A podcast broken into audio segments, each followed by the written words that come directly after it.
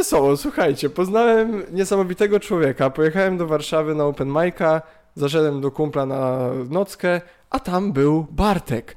I Bartek okazało się, że jest niesamowicie głęboką osobą o niesamowitych doświadczeniach, wyjątkowych czy niewyjątkowych, ale na pewno interesujących. Stąd też moje zaproszenie i jego obecność tutaj teraz. Dziękuję. I teraz jest podkładany taki, wiesz, uuu, jak wiesz, ludzie mówią.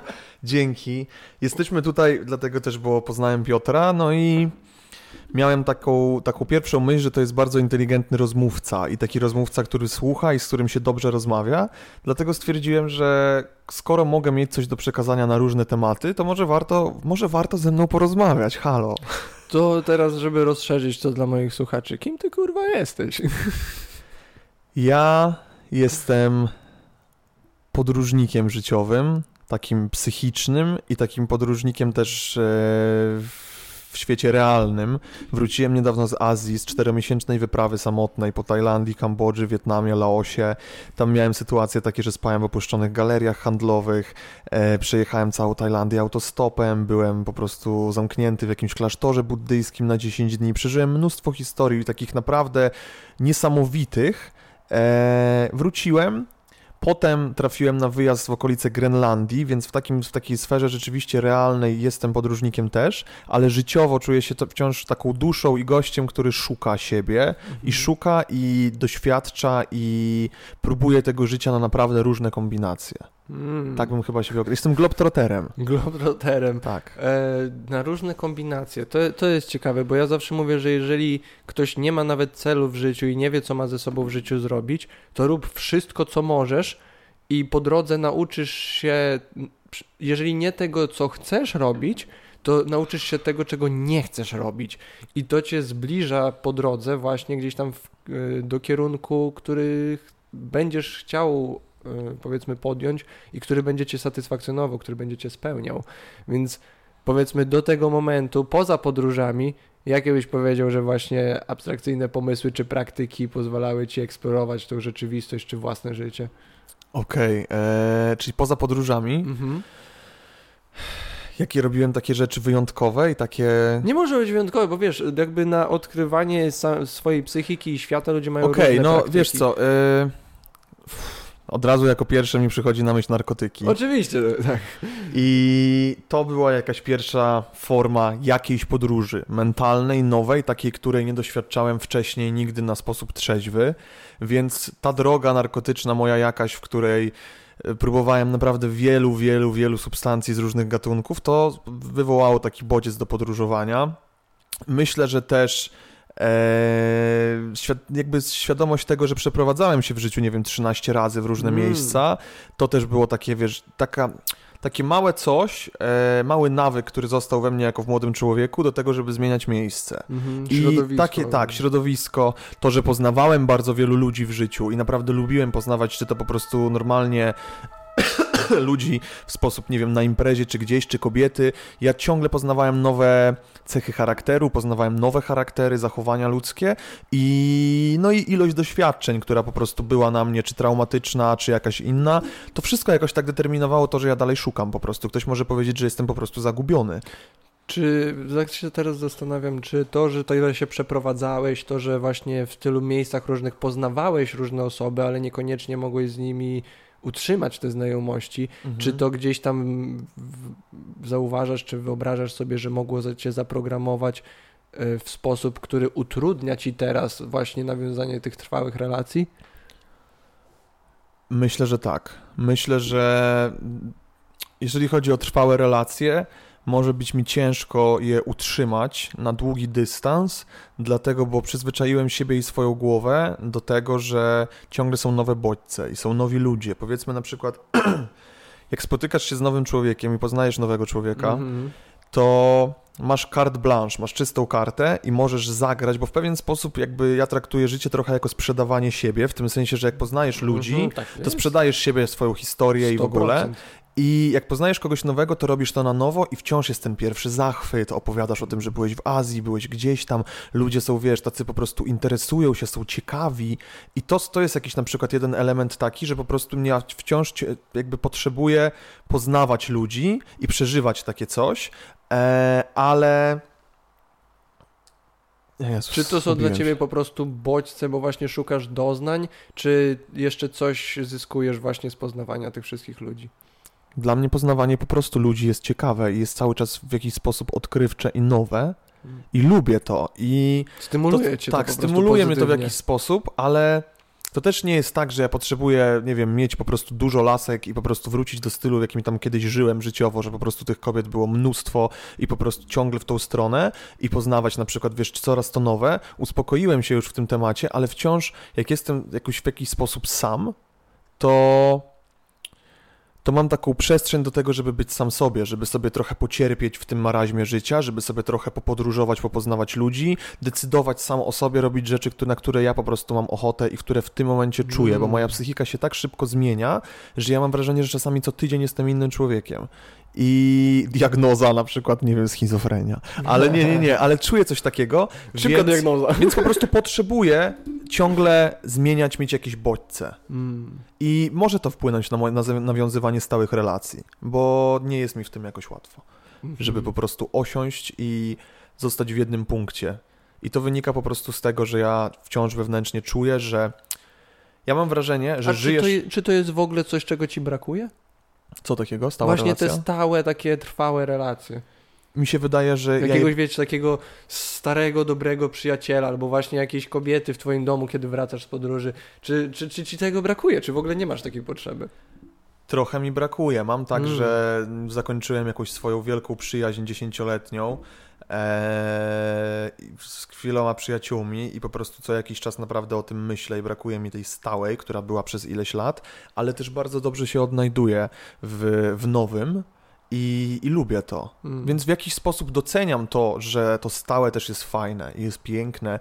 Nie wiem, masz kobietę obok siebie, która jest dla ciebie naprawdę wyjątkowa, dba o ciebie, zawsze cię supportuje, nigdy nie wyrządziła ci jakiejś krzywdy i jest po prostu wyjątkowa i cudowna, ale czujesz, że że w moim mniemaniu, w mojej definicji życie to jest właśnie to wszystko. Poznawanie, podróżowanie, robienie mnóstwa rzeczy, bycie po prostu samemu sobie. To jest taki, taka, taka jakaś podróżnicza po prostu chęć i to jest doświadczanie życia, a jak jesteś w związku, sta w stałej relacji, to mam wrażenie, że trochę gaśniesz. Mm. I w jakiś sposób twój W jaki sposób musisz się zamknąć. Twój potencjał życiowy, tak, tak twój tak potencjał jakiś życiowy po prostu maleje, mam wrażenie. Mm. I wiesz, może ja mam złe, złą po prostu definicję czegoś, ale mam tak właśnie. Ale nie, wydaje mi się, że masz po prostu realistyczne spojrzenie na to, bo w takim bajkowym, idealnym obrazie związku, to oczywiście, że nie czujesz się ograniczony, że jesteś w związku. Możesz dalej eksplorować świat i być otwarty tak. z ludźmi i tak dalej, i tak dalej, ale rzeczywistość jest taka, że i, i, i programowanie kulturowe, i właśnie te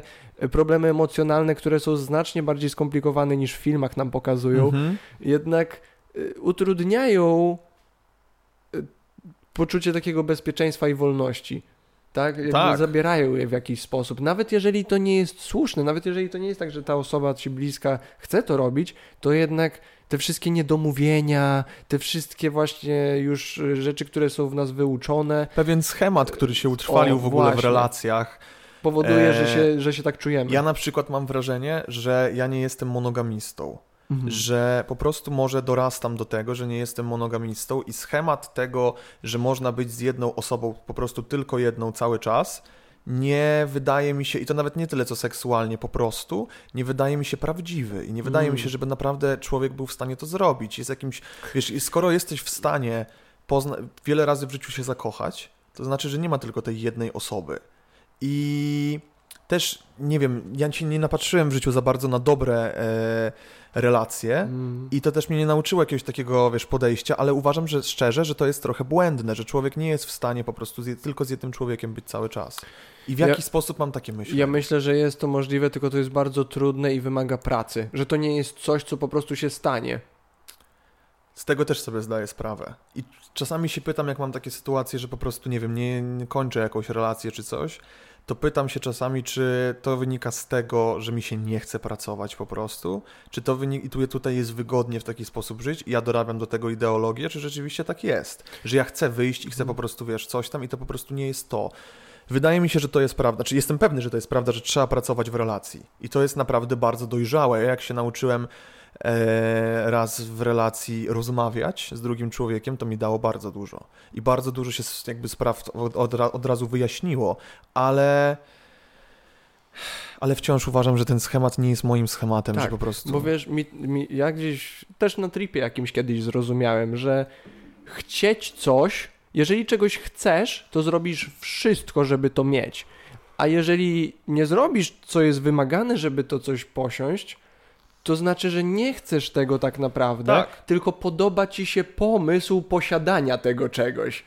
Na To przykład, jest prawda. jeżeli ja chcę mieć wielkie kurwa cielsko, wiesz, chcę być mega muskularny, to muszę iść albo przez 10 lat, 15 zapierdalać na siłowni i jeść masowe ilości jedzenia, albo wziąć sterydy. Muszę zrobić którejś z tych rzeczy, żeby to, żeby to osiągnąć, żeby to mieć. I, i, I jeżeli to zrobię, to znaczy, że naprawdę tego chciałem. Ale teraz wydaje mi się, że bardziej mi się podoba pomysł posiadania tych wszystkich mięśni, bo nie widzę nie widzę w ogóle chęci w sobie wydawania tych masowych ilości pieniędzy na jedzenie, bo ja nie Nawet chcę, w ogóle nie chcę jeść pokładów energii twojej. pokładów energii, czasu i tak dalej, żeby gdzieś tam do tego punktu dojść. Ćwiczę sobie, żeby być zdrowy, żeby być w formie i, i, to, i to jest okej.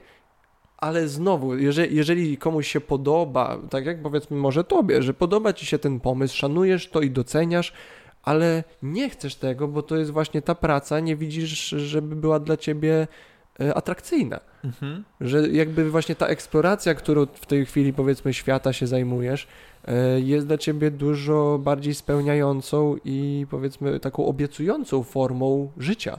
To jest też trochę tak, że ja na, rela- na relacje... na Tak, przepraszam, że ci wkładam w ogóle słowa Nie, nie, nie. usta, ale tak, tak, takie E, wyobrażenie. ale to są dobre słowa. E, I to jest trochę tak, że ja patrzę na relacje w taki sposób. Ja wciąż jestem jakimś marzycielem życiowym. Mm. I wciąż mam tak, że mam na przykład, nie wiem, jak w, w anime się widzi, że powiedzmy jakiś Naruto chce zostać Hokage i chce, wiesz, być naj, najlepszym ninją z wioski, ale na trasie wielokrotnie spotyka ludzi, którzy mu mówią, że tutaj zostań, tu jest spoko i w ogóle tu jest naprawdę okej, na, na takim stadium możesz prowadzić Mm. fajne życie i inni też tak robią, to on dalej wierzy w to jedno swoje marzenie i idzie za nim. Ja trochę też tak mam, że nie to, że mam jakiś utrwalony po prostu Mm. y, nie wiem, związek w głowie napisany i on musi taki być, bo jak taki nie będzie, to nie, ale wciąż mam takie, kurde, mam 24 lata i chcę iść, z- jakby wiesz, z życiem, chcę iść, szukać, doświadczać i w ogóle. Może się potem, wiesz, obudzę z tak zwaną kurwa ręką w nocniku i będzie po prostu już chujowo e, i mogłem kiedyś coś z kimś stworzyć, żeby i teraz by było fajnie, ale może będzie po prostu tak, że będę zachwycony tym, co się tam wydarzy też w przyszłości. Więc... Ty, też nie ukrywając, my jako faceci mamy tą opcję. My możemy sobie pozwolić na dużo dłuższą eksplorację i siebie, i Tak, świata, i tak. budować, bo my musimy też budować jakoś siebie na, i swoją pozycję na tym świecie, Oczywiście. żeby też właśnie mieć możliwość, powiedzmy, dojścia w ogóle do osoby, która będzie dla ciebie też dobra. Bo nie, nie oszukując się, no kobiety też muszą walczyć o swoje przetrwanie i być z mężczyznami, którzy widzą, że są dla nich wartościowi. Mhm. Jeżeli ty nie czujesz się w swoim życiu, że posiadasz tą wartość, to ciężko ci będzie też zbudować szczęśliwy związek. Tak. Więc Więc może ja po prostu dalej szukam tej wartości. dokładnie, może jeszcze musisz zbudować swoją wartość. Wiesz, ja przede wszystkim też bym nie chciał kogoś w życiu ciągać za sobą Mhm. i, i trochę tak robiłem wstecz i nie Mm. chciałbym tego robić, bo to jest po prostu bardzo nie w, to jest nie fair, to jest nie w porządku. Dlatego też po prostu jestem znowu jakoś tam sam sobie i wtedy nie czujesz odpowiedzialności w sumie. Mhm. To o, też- to- samemu jest To też jest w bardzo ogóle... fajnie. Właśnie nie musi, szczególnie przejdźmy nawet do e, argumentu podróżowania. Ja byłem, e, jak skończyłem pracę w Holandii, to pojechałem sobie na parę dni do Amsterdamu sam. Mhm.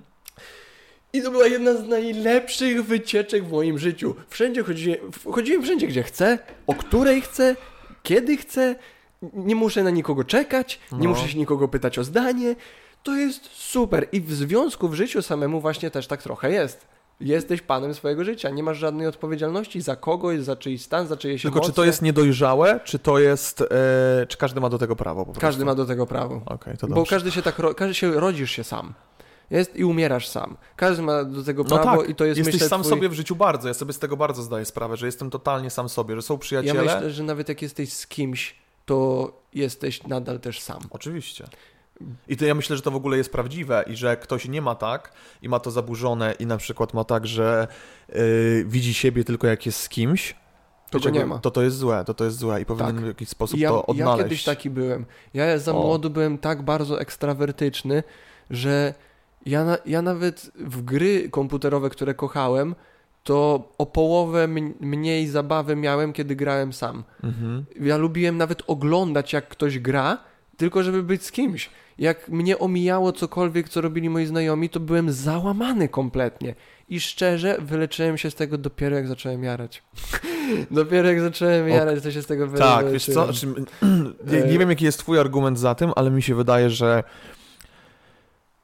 zioło i generalnie narkotyki, znaczy wydaje się, raczej jestem pewny, Mhm. w pewnym, one bardzo w pewnym momencie mogą pomóc ludziom odnaleźć siebie, odnaleźć swoją pewność siebie. On, to może być sztuczne złudzenie czasami i możesz uwierzyć w coś, co tak naprawdę tylko czujesz to po narkotykach, ale możesz też rzeczywiście odkryć pewne swoje cechy. Dobre. Paradoksalnie, nawet po tych okropnych, nawet po tych, wiesz, mega depresantach, tych downerach, Mhm, opioidach, mhm. kiedy ktoś sprowadzi się do dna i później właśnie postanowi się odbudować i nagle odkryje, kim miał być całe życie dzięki właśnie tej zapaści, którą przeżył nawet przez ten złe narkotyki, Tak. przez ten negat... no może złe narkotyki. Ja miałem takie Przez te- doświadczenie.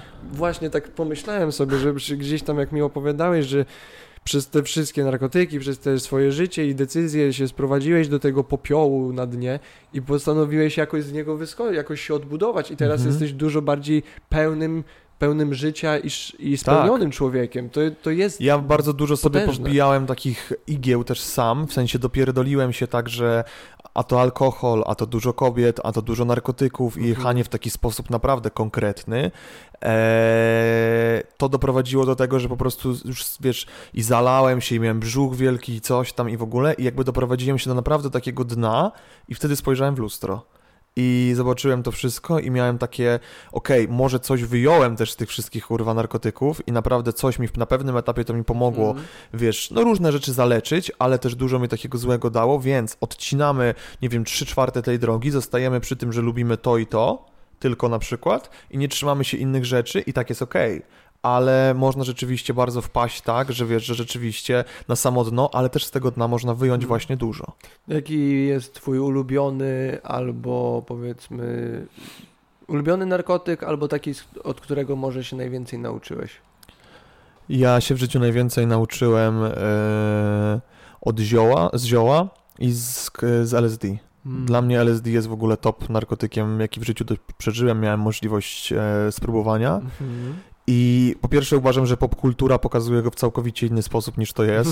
Z drugiej strony wszyscy, wszyscy moi znajomi się śmieją, że ja nie mam żadnych wizuali, bo ja nie mam w Mm. ogóle żadnych, wiesz, dla mnie Nawet jest, po LSD? jest, o, jest, wow. jest efekt oddychania przedmiotu zawsze, ale nie mam czegoś takiego, że mi coś się, jakieś frazy skręci, czy coś, albo coś się pojawia, jakieś, nie mam takich w ogóle rzeczy, nic Teraz- takiego.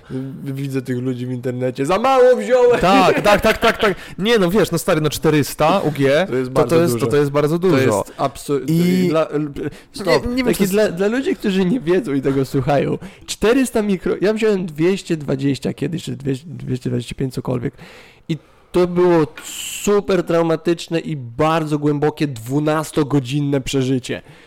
To jest dwa razy tyle, proszę Państwa.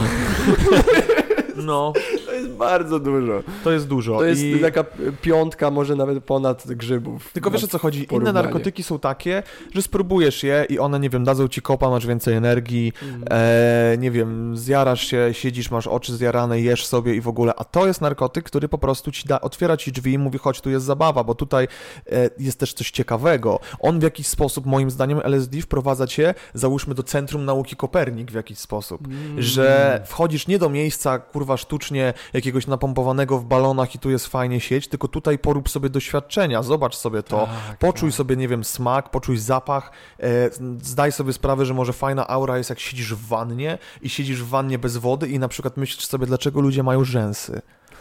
I, i wiesz, i nigdy się... nigdy się nad tym nie zastanawiałeś, ale robisz to potem. To jest piękna, piękny przykład metafora, nie wiem. Tak. Tak. I uważam, że LSD no jest takim narkotykiem top i to jest takim narkotyk dla mnie, że uważam na przykład, że wiesz, nie wiem, chciałbym, żeby moja matka go wzięła. W ogóle to, E. to, to, to złap myśl, jeżeli możesz, tylko chciałem dwie rzeczy dodać do tego. Pierwsze to jest super, twoja metafora była piękna, bo ja też porównywałem to y, przeżycie do jak cię nagle by posadzili w Megazordzie, ty masz te wszystkie kontrolki i możesz patrzeć, co on może zrobić. Tak, no. I z drugiej strony był, jest taki komik Doug Stanhope, bardzo polecam wszystkim. E, I on miał ten żart właśnie, jak rozróżnić dobre narkotyki od złych. Mhm. Te pomysły y, po dobrych narkotykach, pomysły, które miałeś podczas ich działania, z tobą zostają. A po złych narkotykach masz takie, kurwa, co to, wiesz, po, po, załóżmy on to porównał do alkoholu, że po alkoholu chcesz skoczyć, wiesz, z drugiego piętra do basenu i zrobić! Nie wiem, czy bym się z tym jest mądry. zgodził, bo Hmm. po kwasie miałem 300 IQ i byłem niesamowicie inteligentny i tyle rzeczy miałem przemyśleń, że wow, i nic mi nie zostało na przykład. Mm. I to jest dla mnie w jakiś sposób ciekawy narkotyk, bardzo, bo jeżeli już tripować i iść w tą stronę, wiesz, ja badałem narkotyki, ja nie robiłem tego, e, wiesz, może były takie momenty, ale nigdy nie robiłem tego z opcji po prostu ćpania i wiesz, i, walenia, tylko z opcji ciekawości, Mm. empirycznego doświadczenia. Zawsze miałem tak, że musiałem czegoś spróbować, żeby wyrazić opinię. Nie mogłem polec na tym, że ktoś mi kiedyś powiedział, że to jest złe, tylko musiałem sam wyrazić opinię. I po kwasie rzeczywiście było, wiesz, niesamowicie i to jest, wiesz, odkrywanie, eksploracja jakaś, ale nie zostaje, wiesz, dużo przemyśleń, aż takich, że potem sobie zmieniasz życie. Wiesz, kiedy ja mam przemyślenia życiowe i kiedy narkotyki pozytywnie na mnie wpływają, jak jaram zioło, e, powiedzmy, nie wiem, trzy dni, a potem e, mam taki, wiesz, nie jaram następnego dnia i mam takie uczucie, albo nawet na ziole mam już uczucie, że Boże, tyle rzeczy jeszcze w życiu możesz zrobić, musisz zrobić, czemu nie posprzątałeś tej kuchni, czemu nie załatwiłeś Mm. tego, czemu ten karnet na siłownię nie jest, wiesz, zarejestrowany, czemu coś tam, wkurwiam się na siebie po ziole i Mhm. rano wstaję i mówię, to nowy ja, siemano, lecimy z tematem. A. I człowieku, wiesz, robię to, jadę, jadę, jadę, żeby być z siebie dumny wreszcie, wyrównać Mhm. ten poziom i potem, wiesz, znowu są takie akcje. Zioło czas, potrafi czasami taką lupę przyłożyć, dać ci, że ty patrzysz na swoje życie i mówisz, okej, to jest źle, to jest źle, to jest źle. Joe Rogan ma tą świetną metaforę do, do zioła. On mówi, że większość ludzi nie, y, przedstawia jako negatywny aspekt y, zioła to, że daje ci paranoję. On mówi, że on uwielbia tą paranoję, ponieważ kiedy się najara i dostaje właśnie paranoi, tego właśnie oceniania się, tego skupia się na tych wszystkich rzeczach, których nie robi, które powinien robić, to on właśnie może to zauważyć. Takie, o, normalnie od tego mogę uciekać, ale teraz mam paranoję, bo jestem najarany i wiem, że to jest ważne. Wiesz, co Takie jest on- ważne? Też Mhm. przepraszam. Ja mam takie powiedzenie, które mi bardzo uratowało skórę wiele razy i znam je w ogóle stąd, że taki artysta Slowtaj kiedyś Mhm. brał z, ze skeptą grzyby w studio, taka opowieść, no i Slowtaj się strasznie porył i miał straszny, strasznego bad tripa i ten skepta do niego podszedł i powiedział, to nie jesteś ty. I ja od tamtej pory mam to tak w nawyku, że jak mam za mocną fazę i coś jest nie tak, to mówię sobie, Bartek, to nie jesteś ty, jesteś na używce i po prostu Mm. zaraz zejdzie, ogarnij się, daj się temu ponieść, ale ze świadomością, że nic się nie wydarzy złego, bo po prostu musisz to odczekać. I to jest pierwsza rzecz, a druga to jest powiedzenie naszego wspólnego kolegi Szymona, jak se wkręcisz, tak cię kopnie. A, no I, tak. I to jest, Ale wiesz... to jest bardzo mądre Jak, jak, jak wypracujesz w sobie przez różne próbowania tych różnych używek to e, poczucie, to, to, to stwierdzenie w sobie, to wtedy jest w ogóle łatwiej to wszystko ogarniać i możesz dać, dać się ponieść tej paranoi, temu Mhm, wiesz, bo tak. wtedy po prostu masz kontrolę. A nie, że wiesz, że po prostu wchodzisz w to, że wiesz, wkręciłeś sobie, że jesteś, nie wiem, śmieciem i głównowartym człowiekiem i po prostu wchodzisz, no rzeczywiście, to mi się nie udało, to mi się nie udało, tu mi fiut nie stanął, tutaj coś zjebałem i po prostu siedzisz kurwa na dnie. Nie można tak. Trzeba, wiesz, mieć, wypracować sobie w ogóle swoją wartość, żeby, żeby próbować takich narkotyków i żeby próbować w ogóle Moim takich podróży. świadomość tego, co bierzesz i pewność tego, co bierzesz. Czyli po pierwsze właśnie edukacja. Zanim coś weźmiesz, doedukuj się, jak to może No zadziałać. jasne, że tak. I druga sprawa, miej pewność, że bierzesz to, co chcesz brać, bo wtedy na przykład, wiesz, z psychodelikami może być często tak, że pomyślisz, że umierasz, bo rzeczywistość ci się kurwa nie zgadza Mhm, cała, co mhm, nie? mhm. Więc masz wrażenie, że o mój Boże, umieram, moja świadomość, moja dusza jest wydzierana z, tego, z tej rzeczywistości. Oglądałeś coś takiego jak Życie ma sens? Chyba nie. Taki dokument czarno-biały polski zielonogórskiej grupy firmo, filmowej e, taki trochę, jak, no, nie etiuda, taki wiesz, e, krótkometrażowy, Mhm. właśnie o tym, jak grupa znajomych, do grupy znajomych po prostu przychodzi gościu, który no, wprowadza w tą grupę no, walenie w nos. I wszyscy generalnie w jakiś sposób różny się w to wkręcają i tam są pokazane takie właśnie paranoje, że ktoś po prostu zajarał bucha polówce z walenia, wiesz, nie wiem, wcześniej mefedronu i dostał takiej paranoi, że wiesz, czuł, że umiera, że się zapada i w ogóle i to też jest możliwe. Ale jeżeli właśnie masz pewność i jesteś doedukowany, na przykład jak ja psychodeliki Mhm. pierwszy raz próbowałem, to miałem takie, wiesz, bardzo wiele razy usłyszałem, że możesz, że będziesz myślał, że umierasz. I takie trochę masz rację, bo twoje ego umiera. Wszystko to, co ty myślisz, że ty jesteś ty i to, co jest rzeczywistość, to wszystko umiera. Mhm. Ale musisz mieć świadomość tego, że tobie nic nie będzie.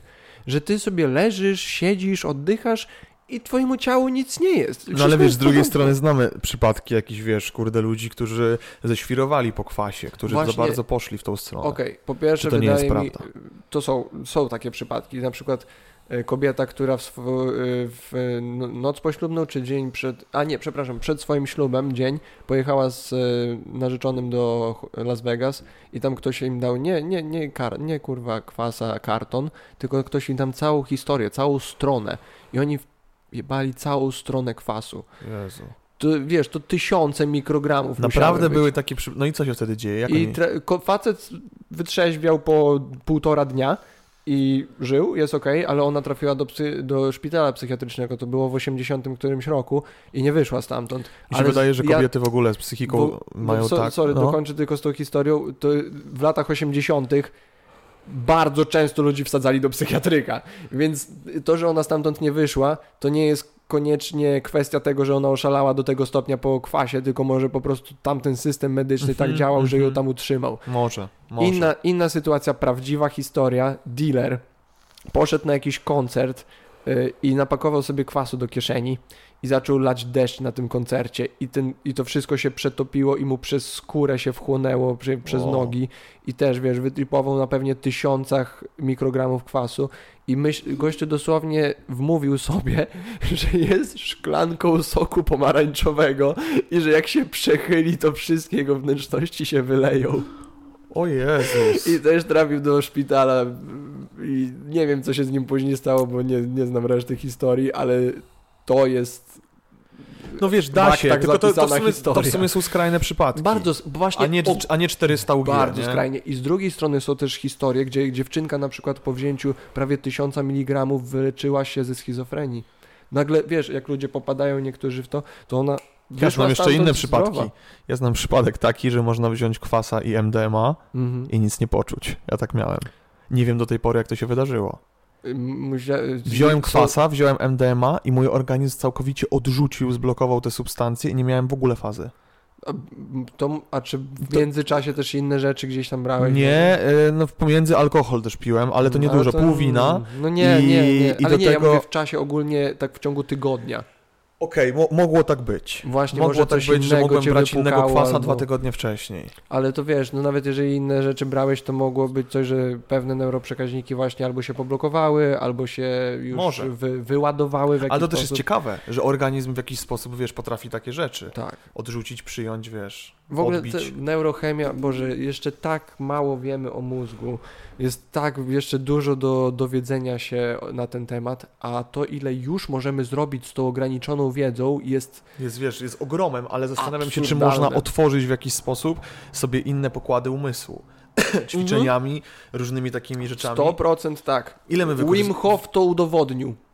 Wiesz kto to jest? Tak, gościu od- ćwiczenia Wima Hofa, wiesz, to jest na, na, na zimnie, na balkonie czy coś, Ten- rano zimne prysznice, takie rzeczy. Ten facet jest, jest zachodnim, bo wiesz, w, w kulturze wschodniej mamy Mhm. gdzieś tam tych ludzi żyjących w górach, w lasach, Tak. mnichów, którzy fastują przez lata, albo ludzi, którzy lewitują i chuj wie jak to robią. Są te wszystkie historie i tak dalej. Ale Wim Hof jest prawdziwym, rzeczywistym przykładem, przebadanym przez zachodnich naukowców wzdłuż i wszerz, i dowodzi na to, że możesz swoją świadomością, wolą sterować swoim układem nerwowym. To jest absolutnie niepodważalne w jego. Wiesz, gdzie to, Znaczy, takie, czegoś takiego doświadczyłem jeszcze i to mi pomaga i robię takiego ma- ma- małego Wima Hofa Mhm. wewnątrz, właśnie jak byłem w Tajlandii w klasztorze buddyjskim, zamknięty Mm. 10 dni. No, zamknięty, no specjalnie tam pojechałem i chciałem po prostu e, przeżyć coś takiego, gdzie jesteś zamknięty, medytujesz, nie możesz pisać, czytać, e, jeść po godzinie 11 rano do następnego dnia do 7, e, rozmawiać, masturbować się, słuchać muzyki, korzystać z telefonu, nic. I wtedy uczenie się medytacji w takich warunkach jeszcze bardziej ją przyswajasz. I jak ja medytowałem, to miałem takie momenty, że naprawdę potrafiłem nauczyć się takiego spokoju, że to, co mnie jakoś tam, nie wiem, otacza, hipotetycznie jestem na saunie. I jest naprawdę już mega gorąco, także moi kumple, wiesz, po prostu uff, już wychodzimy i ja w tym momencie sobie zamykam oczy, skupiam się w sobie i po prostu wma- wmawiam sobie, że ja tego nie odczuwam, że cały dyskomfort, jaki mam, ja tego nie czuję aż tak, Bo to nie I- jesteś ty. bo to nie jestem ja. I, I stary to działa. I naprawdę potrafię wtedy dłużej wytrzymać. I to jest trochę o tym. I też mnie to, mm, to nauczyło. To- czy coś jeszcze, co mnie nauczyło tego, to jest stary. Ja miałem hobby przez chwilę, że wstrzymywałem powietrze pod wodą i mierzyłem sobie czas. Mhm. Wprawdzie nie wiem, czy to jest wymierne, bo robiłem to w wannie, że się kładłem i po prostu miałem głowę pod wodą Mhm. i ktoś mi po prostu mierzył czas, zawsze ktoś, ale na początku jak zaczynałem miałem 59 sekund, potem zrobiłem minutę 24 i byłem w szoku, że mi się to udało, a potem zrobiłem 2 minuty 30 i nie mogłem tego długo pobić. I powiedziałem sobie, że na urodziny chcę zrobić 3 minuty. I zawsze jak się myłem to próbowałem, ale wtedy zrobiłem przerwę, zapomniałem o tym, długo tego nie robiłem, nie byłem już tak przygotowany, no i były te urodziny i z kumplem moim robimy to, on mi mierzy czas i ja jestem pod wodą, pierwsze wyjście z wody, tam nie wiem, 2.10, mówię, no to pizda. I on mówi, dawaj jeszcze raz, a drugie jest lepsze, no bo już przećwiczyłeś płuca, zrobiłem ćwiczenia oddechowe i tak się skupiłem. I w momencie, kiedy czułem się naprawdę już tak, że nie mogę, zacząłem bardzo myśleć e, o w ogóle jakiejś historii. Historia bardzo pomaga w takim nurkowaniu. Myślisz sobie o historii z dzieciństwa długiej, przerabiasz ją, jesteś skupiony na tym, a nie na dyskomforcie, czyli też w jakiś sposób medytujesz w sumie. Mhm. I stary, słyszę, że on coś tam krzyczy, ale mówię, Boże, nie wiem, czy się wyłaniać, czy nie, bo nie słyszę, co krzyczy. A jak się wyłonię 2,59, a chciałem 3 minuty, to będę mega załamany. Jadę dalej i dalej w tą historię i w końcu się a on 3,30! I ja mówię, ja pierdzielę. I 3,5 Wow. minuty, cały utwór jakiś, wiesz, po prostu potrafię być e, bez, na, na bezdechu pod wodą, bo po prostu medytuję w jakiś sposób w tym momencie. Powiedz mi, czy nie uważasz, że to jest właśnie dowód na to, że możemy się gdzieś tam podłączyć do czegoś znacznie głębszej kontroli i możliwości naszego organizmu? Mhm, możemy. I myślę, Właśnie. że mamy do tego nawet e, wiele narzędź, takich jak, wiesz, właśnie medytacja, czy jakaś, wiesz, jakiś właśnie Wim Techniki Hof. oddechowe. Bardzo tak. dużo, bardzo dużo jest że na, na, Gimnastyka. narzędź, powiedziałem, ogóle narzędzi. Tak, nie chciałem cię Eee, poprawiać. To rób tak, bo z poprawiania płynie nauka, pamiętajcie. Jak widzicie gdzieś, kurwa, opis na Tinderze dziewczyny i ma napisane na co dzień z błędem, to jest straszne, więc po prostu piszecie jej od razu wtedy, jak się pisze na co dzień, a nie jakieś na co dzień i trzeba poprawiać, bo z tego płynie nauka. A nauczyłem się w ogóle tego, z Real tego, talk. że napisałem kiedyś do artysty, który mi się podobał wtedy Zero, Zero Cool, taki raper, napisałem do niego o polecenie książek, bardzo taki wyedukowany człowiek, wiesz, Mm. bitnicy i takie nur, nurty w sztuce bardzo obeznane przez niego Mhm. i napisałem do niego wiadomość jako nastolatek o polecenie książek i zrobiłem spację przed znakiem zapytania. I on mi odpisał jako pierwsze, że nie robi się spacji przed znakami interpunkcyjnymi, ale że to no offense, ale z tego płynie nauka i od tamtej pory mam tak, że to jest rzeczywiście. Jak my chcemy wpływać na to, żeby ludzie mówili lepszym językiem i lepiej się ym, wysławiali? Komunikowali. komunikowaniem po prostu błędu. I to się tyczy wszystkiego, związków, relacji, wiesz. Moja siostra jest polonistką i zawsze od dziecka mnie ostro katowała i poprawiała językowo. I jako dzieciak, mały dzieciak, to mnie irytowało strasznie, ale jako już nastolatek to, byłem, to lubiłem to i byłem, do dziś jestem jej za to wdzięczny, bo właśnie dzięki temu wszystkiemu szybciej nauczyłem się lepiej mówić. O tak. I wiesz, co jeszcze jest na przykład ciekawe? Jak od- odpalisz sobie, czasami mi się wyświetla jakieś stare nagrania z 90 roku, w Polsce, wywiady uliczne, gdzie państwo jadą na wakacje na przykład. Mhm. I ludzie się tak wysławiają dobrze.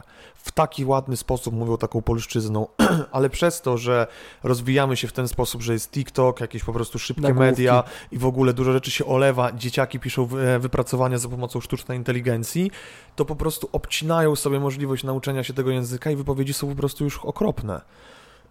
Rozmawiamy często w sposób bardzo płytki i prosty. Nasz wokabularz jest po prostu tak nie, jakby wiesz, nie, nie, niebogaty, nasz zasób słów jest taki niebogaty, że po prostu to wszystko gaśnie i ludzie się por, porozumiewają za pomocą jakichś równoważników zdania. I co gorsze, nie potrafisz wtedy też przekazać swoich myśli. Tak. Bo wiesz, masz, masz tą rozbudowaną myśl z emocjami, ze wspomnieniami i tak dalej i co wychodzi z twoich słów to jakieś gówno, jakieś błoto, to jest trochę jak próbowanie opisać, właśnie jest ten argument, że psychodeliki właśnie pomogły nam wypracować język, ponieważ okay. masz, te, masz tak abstrakcyjne doświadczenia, że musisz spróbować je jakoś o, opisać tak. i dlatego potrzebujesz tworzenia nowych słów, nowych dźwięków, nowych opisów.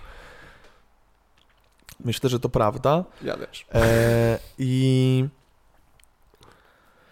mnie trochę martwi to, że może być tak, że młodzież i młodsze pokolenia mogą mieć problem z komunikowaniem się. Że może być tak, że młodzi ludzie nie będą potrafili nazwać swoich uczuć i w sposób taki naprawdę wartościowy rozmawiać i wymieniać się myślami, bo wiesz, mam na przykład jakichś znajomych w wieku lat 15 i załóżmy ktoś tam się z kim, nie wiem, z kimś podkochuje i boli go na przykład to, że druga osoba wstawiła utwór na story, gdzie w, w drugiej minucie 15 jest jakiś tekst o, yy, wiesz, o tym, że to, to nie jest ta, to nie była ona i w taki sposób młodzież się komunikuje. Ona przeżywa na przykład, że wiesz, że on to wstawił, a nie było między nimi rozmowy, słuchaj, czy ja ci się podobam, czy ja ci się nie podobam, czy my chcemy się spotkać, czy, czy nie, czy to jest na poważnie i wiesz, i ona na przykład przeżywa, ten chłopak coś Czyli tam. wszystko się dzieje jakby na niciach podświadomości. Tak, i to w, taką, taki sposób trochę idzie. I wiesz, ja mam, mam dwóch braci 11-letnich, którzy są bardzo ciekawi i fajni, ale mam takie w głowie, że trochę bym chciał od nich więcej, że oni mogliby więcej jakby do, dokładać wagi do wypowiadania się ładnie, do, wiesz, e, jakiegoś takiego zaangażowania życiowego, socjalnego mhm. i boję się, że to właśnie jest wszystko naleciałość TikToków, takich różnych rzeczy i tego, że te mass media wpływają no, w taki sposób, że to wszystko jest, zalicza downgrade bardzo, bardzo jakiś. Braku komunikacji, jak tak. powiedziałeś nawet o tych ludziach, którzy kiedyś się o swoich wakacjach tak pięknie wypowiadali. Spójrzmy na listy z lat 40., 60. Tak. Jak to piszą. jest poezja. No tak. To jest dosłownie na nasze standardy dzisiaj wypowiadania się, to list z lat 40., 20. będzie dosłownie dziełem sztuki, ko jakimś kogo poezją, tak, kogo tak kończąc ten temat powinniśmy obwinić za to? Nikogo, po prostu tak świat wygląda. Okay. Bo nie wydaje mi się, że to jest czyjaś wina. Po prostu chcemy być coraz szybsi, praktyczniejsi w swoich, e, wiesz, w przekazywaniu informacji, tylko właśnie. O, wydaje mi się, że to jest po prostu niekompetencja ludzka, bo zobacz, dążymy do coraz to bardziej złożonego języka, więc potrzebujemy krótszych komunikatów do, komuniko- do przekazywania sobie informacji. Z tym, że zamiast skracać komunikaty, nie, zamiast skracać ilość słów, czyli jakby zamiast doskonalić język, to my po prostu skracamy komunikaty. Tak. I stąd wychodzą nieporozumienia, stąd wychodzą niedomówienia, stąd wychodzą te wszystkie różne opinie wychodzące z jednego słowa tak naprawdę nie mamy takiej, nie, nie jesteśmy elastyczni językowo, tylko jesteśmy ograniczeni językowo. I to też myślę, że się wiąże z cenzurą, to, to się wiąże z, na pewno z technologią w jakiś sposób, bo to, że możemy sobie, wiesz, chociażby wysłać mema i patrząc na obrazek, mhm. rozumiesz tyle, co kiedyś ktoś by ci opisał w 13 zdaniach. Tak, coraz to dochodzące nowe emotikony na, no wiesz, na iPhone'ie Właśnie, dobry bardzo przykład. To jest, wiesz, to są ciągle... Yy no wiesz, no ja już mam zaprogramowane, że jak coś piszę, to powinienem użyć, kurwa, nie wiem, buźki uśmiechniętej, ale do góry nogami, albo buźki patrzącej do góry, wiesz o co chodzi. I to jest takie, czemu nie napiszę po prostu jestem zdziwiony? To, albo, ci, wiesz... to ci rozwalę mózg teraz, słuchaj tego. Musk robi Neuralinka. To jest technologia, która stworzy interfejs między naszym mózgiem a technologią. I końcową fazą tej technologii będzie to, że będziemy mogli dosłownie łączyć się z internetem za pomocą myśli. Wyobraź sobie, że będziesz mógł być w Facebooku myślami. Niesamowite. I co więcej, wyobraź sobie Messengera w myślach. Teraz ludzie siedzą i piszą sobie wiadomość i wysyłają je do siebie, nawet głosówki. Ale, Ale musisz zrobić mechaniczny ruch, żeby Dokładnie. to zrobić. I A musisz ty... też dać od siebie. W tym momencie robisz to wszystko w myślach, więc nawet nie musisz się do nikogo odzywać. I co więcej, nasze myśli by były przekazywane między sobą dużo szybciej między nami dużo szybciej niż nasze słowa mogą być wypowiedziane. Więc jako, że przekaz informacji będzie tak szybki, to prawdopodobnie przerzucimy się z komunikatów e, głosowych na obrazy i właśnie powstanie język stworzony z, eme- z emotikonów, z memów i będziemy po prostu wysyłać sobie idee. Będziemy sobie wysyłać e, informacje, Bakłażany. Którą, no już teraz, to jest dobry przykład, bo już teraz, jak laska ci wyśle e, brzoskwinie i kropelki, wiesz o co chodzi! O co? Jak myślisz lasy bakłażana, wie, wiadomo, że chodzi o Nie twojego wysłałem kutasa. nigdy bakłażana, ale wiem o co chodzi. Ale... Ale- wiesz o co chodzi i myślę, że tylko, że to będzie się tylko rozwijało. Wyobraź sobie, że masz tak, że poznajesz człowieka, nie prowadzisz z nim dialogu. Wiesz, my na przykład się widzimy chyba trzeci raz w życiu, czy Mhm. drugi. I dobrze nam się rozmawia, ale wciąż wiem, że jest za mną o taki bagaż doświadczeń, których ci jeszcze nie powiedziałem. Mhm. A wyobraź sobie, że się poznajemy i mówimy, cześć, to jest pendrive z przyszłości, daję tobie, ty sobie go wpinasz tutaj i jest w tym momencie po prostu Tak. wszystko poznałeś. Wiesz o mnie I wszystko. zależy, którą wersję, którego chipa masz, to ci Tak. się, to albo zrozumiesz moją osobę w ciągu godziny, albo w ciągu minuty. Mhm. Bez kitu. I to jest, wiesz, i to, i to wszystko idzie w taką stronę. Ludzie, wiesz, Mhm. mówią, że wiesz, ktoś może w to teraz nie uwierzyć i powiedzieć, że nie będzie Tak. czegoś takiego, ale spojrzeć ileś lat wstecz, nie wiem, 20 czy coś, nawet głupie hulajnogi elektryczne. Jesteśmy w świecie Jetsonów w pewien sposób, dokładnie. wiesz, bierzesz sobie hulajnogę i zapierdzielam i wiem, że do Szymona z mojej chaty jest 4.11, mam rekord i po prostu jadę tą hulajnogą, odstawiam ją telefonem, pyk i idę sobie dalej i za chwilę będzie po prostu mnóstwo takich I rozwiązań. wyobraź, wyobraź sobie, że to wszystko, co teraz robisz właśnie w telefonie, możesz robić za pomocą oczu, słów i gestów. Właśnie ja to ja sobie teraz jak często właśnie idę przez miasto i muszę, wiesz, szybko zobaczyć jak dojadę, później właśnie gdzieś tu hulajnogę złapać, później jeszcze na szybko ktoś do mnie coś napisał i wiesz, mu odpiszę po drodze. No i tak, wiesz, pół godziny Wiem. spaceru gdzieś tam idziesz i to wszystko musisz zrobić na tym telefonie, patrząc się w niego pod siebie. A w momencie, w którym będziesz miał okulary do VR-u, takie jak te od Apple'a, będziesz to wszystko patrzył na świat, będziesz szedł i robi, szedł, robi, żył swoim życiem, ale to wszystko będzie kurwa w twojej rzeczywistości wokół ciebie. Już nie będziesz miał zajętych rąk, tylko będziesz właśnie wzrokiem, gestami i komunikatami werbalnymi e, wydawał polecenia powiedzmy tej technologii. Wiesz, o czym to jest trochę? Ehm, zastanawiam się, gdzie jest granica wolności człowieka. Mm. I ciekawe dla mnie było to, jak obejrzałem kiedyś serial e, Una Bomber o takim zamachowcu Tedzie Kaczyńskim. Mhm. W Stanach Zjednoczonych on podkładał bomby na przykład w, w dużych korporacjach, wysyłał Tak. je pocztą i to wybuchało i zabijało ludzi. I raz podłożył bombę w samolocie i powiedział, że tam pojawili się śledczy, którzy wiesz, sp- sprawdzali tą sprawę. Powiedział, że on powie im, gdzie jest ta bomba, ale muszą mu pozwolić na wydanie manifestu w mediach. Czyli, że on wyśle manifest swój, a oni go puszczą, opublikują jego myśl, bo on walczył o to, żeby Mhm. światu coś przekazać. I oni się zgodzili. I ten manifest ma, nie wiem, 30 stron powiedzmy. Ja przeczytałem tego trochę, ale żałuję, że tego nie zrobiłem i chcę to bardzo zrobić. I w tym manifestie jest na przykład coś takiego.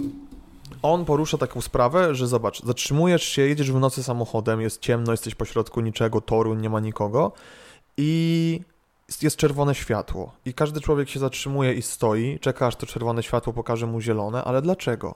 Przecież to człowiek sam wie, kiedy jest bezpieczny, kiedy nie jest bezpieczny. Skoro patrzy na ulicę z lewej, z prawej, widzi, że jest na odludziu, to przecież może przejechać. A i tak się zatrzymuje. Idę Warszawą, mamy takie uliczki autentycznie na pięć kroków jest, jest e, lampa, w sensie wiesz, e, sygnalizacja i ludzie stoją, a ja zawsze idę, bo sobie mówię, dlaczego ja mam stać w tym momencie? Dlaczego mam w tym momencie stać? Przecież nic się nie dzieje, nic ja mi nie zagraża. wyobrażam Simsy.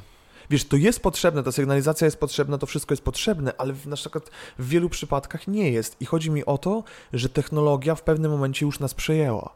I przejęła to, że ja sobie nie. Jak, ja, w jaki sposób doprowadziliśmy się do, do tego, że raz na jakiś czas musimy usiąść i sobie swajpować rolki. I sobie dawać taką, wiesz, dawkę po prostu informacji czy czegoś takiego. Dopaminy. I tak, dopaminę. I po prostu Jesteśmy to nas przy- wszyscy. tak, to nas przejmuje stary w bardzo duży sposób i bardzo mocno oddziałuje na psychikę ludzi. Ja myślę, że wielu ludzi, gdyby nie wejście takich rzeczy, byłoby bardzo inteligentnych, ale nie jest. Właśnie wiesz, jak się mówi o końcu świata. Koniec świata to nie jest coś, co będzie nagle boom, apokalipsa, wszyscy widzą koniec świata. Koniec świata może się zacząć i trwać przez tysiąc lat. I jak mówisz teraz o Tak. tym, że maszyny nas już jakoś przejęły, ludzie się boją, że uu, roboty przejmą świat. Takie wyobrażają sobie termi Terminatora. Ludzkie roboty, humanoidalne roboty z bronią, które nas zniewolą. Nie. Bo, bo wiesz, robo, robotów nie obchodzi nasze chodzenie stopami Tak, po ziemi. Ale czy widziałeś na przykład to, że Sztuczna inteligencja potrafi na przykład rozwiązać teraz za ciebie zagadkę logiczną. Powiedzmy, e, nie wiem, no, że tam babcia ma 20 lat, dziadek ma, jest o 2 lata starszy, a czy o 2 razy starszy i coś tam, ile mają lat, lat łącznie, kurwa, i jakie było światło, jakie marki. E, I i potrafi sztuczna inteligencja to rozwiązać w kilka sekund. Młody, młode dziecko mogłoby tego nie rozwiązać, ja bym potrzebował, nie wiem, 3 minuty na przykład. Więc to świadczy o tym, że już nigdy dzieci naszych dzieci, żadne pokolenie, nie rozwiąże szybciej zagadki logicznej niż zrobi to po prostu sztuczna inteligencja. Bardzo słuszne spostrzeżenie. Znam to skądś, I- widziałem to i- gdzieś, ale i- chciałem to przekazać I tutaj.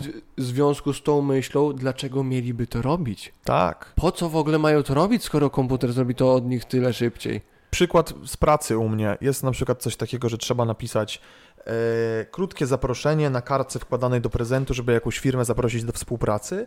Kiedyś człowiek by usiadł i to po prostu napisał. A teraz jest tak, że prosi mnie o to ktoś, na przykład wiesz, e, z mojego biura. Ja mogę to też sam zrobić, ale żeby oszczędzić czasu, biorę sztuczną inteligencję, wpisuję, napisz zaproszenie do firmy i takiej, i takiej, ma być, wiesz, zachęcające, ale delikatne, lekkie i się kurwa wyświetlają. A nap- jeszcze, jeszcze piszesz, napisz trzy różne wersje i on ci pisze trzy różne wersje. I jeszcze w, udawaj zawodowego copywritera. Rezygnujemy, Jeszcze, wiesz, wiesz, rezygnujemy z, z bardzo wielu takich e, fajnych rzeczy w życiu, takich różnych fajnych rzeczy, które robiliśmy kiedyś, e, na rzecz tego, żeby to było szybciej, żeby było prościej, żeby było, wiesz. Jak ci, ale też jak ci wczoraj mówiłem, że, bo jest ten fizyk e, Mi, Michio Kaku, super sławny. Mówiłem ci, jak się tam u Mhm. Tak, ciebie opowiadałeś byłem. mi. E, I on, mówi, on ma takie podejście, że po prostu trzeba się przyzwyczaić. Ten typ ma prawie 80 lat. On, on przeżył. Ty, wyobraź sobie w 80 lat ile technologii jako fizyk musiałeś No. zobaczyć i zrozumieć. W, w każdym razie, on ma, ma tak dużo pojęcia o te, różnego rodzaju technologii i on ma właśnie takie podejście, że po prostu trzeba się przyzwyczaić. Wszystko ma swój czas. I najwyraźniej teraz właśnie wchodzimy w czas, w którym tak załatwiamy sprawy. Już ten czas, w którym pisaliśmy rzeczy ręcznie, się kończy. Wiesz, co mnie jeszcze irytuje? Irytuje, kurwa, jak mnie to denerwuje. Denerwuje mnie poczta, że dalej istnieje, że ja muszę, że ja muszę zaglądać do... prawem? Ja muszę zaglądać do skrzynki pocztowej w domu i jeszcze ktoś mi mówi Bartek, no znowu nie zajrzałeś do skrzynki, nie wyciągnąłeś listów. A ja o tym zapominam, bo dla mnie jest to tak zbędne. Tak. Dlaczego nie możemy mieć, skoro mamy M-Obywatel, gdzie mamy kartę swoją, e, dowód swój Tak. wsta- wstawiony, to czemu nie może być tam E-skrzynka pocztowa i wszystko ci przychodzi tam? Tylko po prostu ja muszę to otworzyć i ten list zobaczyć. Po co to jest? Papierologia, wiesz, marnujemy drzewa i w ogóle to jest nieekologiczne. A w ilu firmach masz jakieś akta, dane czy cokolwiek i są w komputerach, a i tak muszą być przepisywane na papier? No, i No to wiesz. jeszcze w trzech kopiach. Dla stacji, dla kogoś tam i w ogóle. Ale to dobra, z jednej strony ktoś by powiedział to głupie tak jak my teraz, ale z drugiej strony ktoś powie, okej, ale jeden, jeden za duży wybuch na słońcu i to wszystko leży. I nagle nie masz żadnej dokumentacji o niczym nigdy. To prawda. To jest też duży problem właśnie. No to wiesz, jest takie jak spisywanie historii o Jezusie i jakieś takie różne rzeczy, wiesz o co chodzi, że gdyby nie Tak. spisywać różnych, e, wiesz, doświadczeń, przeżyć i w Mhm. ogóle i historii nie spisywać w formie takiej materialnej, to jej nie będzie, nie? Tak, tak, dokładnie. Myślę, No, dużo rzeczy by upadło, upadłyby stare jakieś kryptowaluty w ogóle. Kryptowaluty to są w ogóle przecież, była ta akcja z tymi tulipanami kiedyś, no, znasz to? mm, To ludzie się na ekonomii tego uczą, ktoś mi to kiedyś opowiadał e, o jakiejś takiej erze tulipanowej, czyli że pierwsza kryptowaluta miała wtedy swoje miejsce jakby, czyli że ludzie w, w którymś tam wieku wpadli na to, że po prostu posiadanie tulipanów to jest naprawdę tak jak mieć diamenty czy mieć coś takiego i zainwestowali bardzo dużo pieniędzy w te kwiaty i w posiadanie tego jakieś królestwa i w ogóle i coś, e, ale finalnie się okazało, że po prostu to jest nic nie warte, że to nie ma żadnej wartości. I masz w tej kryptowalucie ileś tam bitcoina, ale w końcu jebnie serwer i do kogo ty masz się zgłosić, jakby oszukali mnie? Masz stary, wiesz, po prostu nie masz nic namacalnie. Racja. Yy, Ja myślę, że w tej chwili tak możemy gadać, ale większy problem jest w tym, że cała globalna siedziba, powiedzmy, rządów i banków chce wprowadzić właśnie centralizowane kryptowaluty. I jeżeli rząd zacznie mieć w pełną kontrolę nad tym, ile wydajesz, na co wydajesz, kiedy wydajesz, to coś takiego jak Bitcoin będzie zbawieniem dla wszystkich, bo to będzie Mhm. oddzielny system i nikt nie będzie widział w sumie na co, kiedy, komu i gdzie No tak. przelewasz. Więc możesz być anonimowy też w tym systemie, nie jak w bankach i dosłownie... Ludzie od prania pieniędzy to wymyślili. Jeżeli ludzie nie pozwolą sobie na wprowadzenie centralizowanych kryptowalut i gotówka z nami zostanie, to rzeczywiście to będzie takie mech, jest, nie ma, będzie skakało sobie i tak dalej. Ale jeżeli ten, wiesz, New World Order i tak dalej, jeżeli to wszystko wejdzie tak grubą parą i rzeczywiście będą forsować na ludzi te kryptowaluty, w tym momencie to będzie bardzo ważne, bo nieważne, nie będzie już wtedy argumentu, o, bo to może wszystko pierdolnąć, bo jeżeli wszystko by pierdolnęło, to rządowe też. I wtedy nic nie ma znaczenia już. A w tej chwili właśnie, jeżeli wszystko pierdolnie, ej, to zobacz, twój bitcoin też pierdolnie, ale twoja gotówka nie. Ale co w momencie, w której nie masz gotówki? Mhm. Ja w ogóle e, chciałbym chyba, żeby. Chciałbym dożyć w swoim życiu jakiegoś takiego upadku cywilizacyjnego. O, ja nie, nie ja pierdolę to! Nie chciałbyś? Bo byś umarł po prostu. My sobie wszyscy chcemy być bohaterami, kurwa, wiesz. Post-apo, my jesteśmy tym głównym bohaterem w Mad Maxie. Nie, jesteś tym śmieciem, który wyżera ze śmietnika i umiera w ciągu Ale- miesiąca. Ale z drugiej strony chciałbym dlatego, bo bym zobaczył wtedy, jak naprawdę ludzie by się zachowywali. Jak jest I nie zwierzęta. byłoby stary, wiesz, czy też, oczywiście. O, wrócę do ale- argumenty też ze związkami. To ten poziom, ten poziom chaosu, to, że jesteś sam, to, że jesteś sam i jesteś zdany na siebie, to jest dosłownie podstawowy stan. I na przykład, jeżeli mówimy o, o związkach, o rodzinie, o swojej wartości, to jest wszystko coś, co musisz zbudować. Mhm. I, I to wszystko, co zbudujesz, tak jak zamek z piasku, może się zaraz rozpaść. Właśnie, nawet dosłownie dziś czy wczoraj widziałem rolkę na ten temat, że gościu tłumaczył, że bazowym stanem bytu jest przejebane. Masz, masz, jest, jest chaos i cierpienie i wszystko inne sobie budujesz i dochodzisz do tego i wszystko to też możesz stracić i to jest właśnie żart, że możesz to uznać jako żart rzeczywistości, jako ta, jako ta komedia. Dla mnie najdziwniejsze to jest to, że człowiek przychodzi na świat bez złych intencji, kurwa, a potem różne wypadkowe stworzone przez innych ludzi, jakby ta przestrzeń, które stworzyli na przyjście dziecka, sprawia, że po prostu masz nawalone w bani. Trochę przeskoczyłem, ale wiesz o co Ta, chodzi? Tak, ta gra jest bardzo wciągająca i czasami zapominamy, że gramy w grę. Wie, to jest. Ja kocham metaforę gier komputerowych do życia, bo dużo zasad, które są w grach komputerowych, funkcjonują też w naszym życiu. I to jest chociażby. Rage jest tego częścią. Czasami jesteśmy tak, tak wciągnięci w tą grę, w, tego Lola, w tego CS-a, że po prostu umierasz i masz takie aaa, kurwa, klniesz Właśnie, czy ty, czy ty jesteś toks- toxic playerem? Nie, nie jestem. Bo to ale- jest ważne w ale- naszej rozmowie, bo ale- ja jestem w chuj i to uwielbiam. Ale miałem dużo takich sytuacji w życiu, że byłem już tak rozwścieczony, już tak sfrustrowany w jakiejś grze, że, wiesz, że to nieludzkie wręcz było. No, I wydaje mi się, że to też w życiu występuje. w życiu tak samo to występuje, kiedy czasami jesteś tak wciągnięty w to wszystko, że, że twoje emocje wychodzą same z ciebie. Kom, jesteś kompletnie poza kontrolą i jesteś po prostu częścią tego chaosu w tej chwili. I to się odnosi w jedną czy w drugą stronę. I tu to, identycznie jak dziecko rage'uje w grze, tak samo dorośli rage'ują w życiu. To prawda, Co nie? to prawda. Jak po prostu za bardzo się wciągniemy w tą grę, jak za bardzo zaczniemy brać życie na poważnie.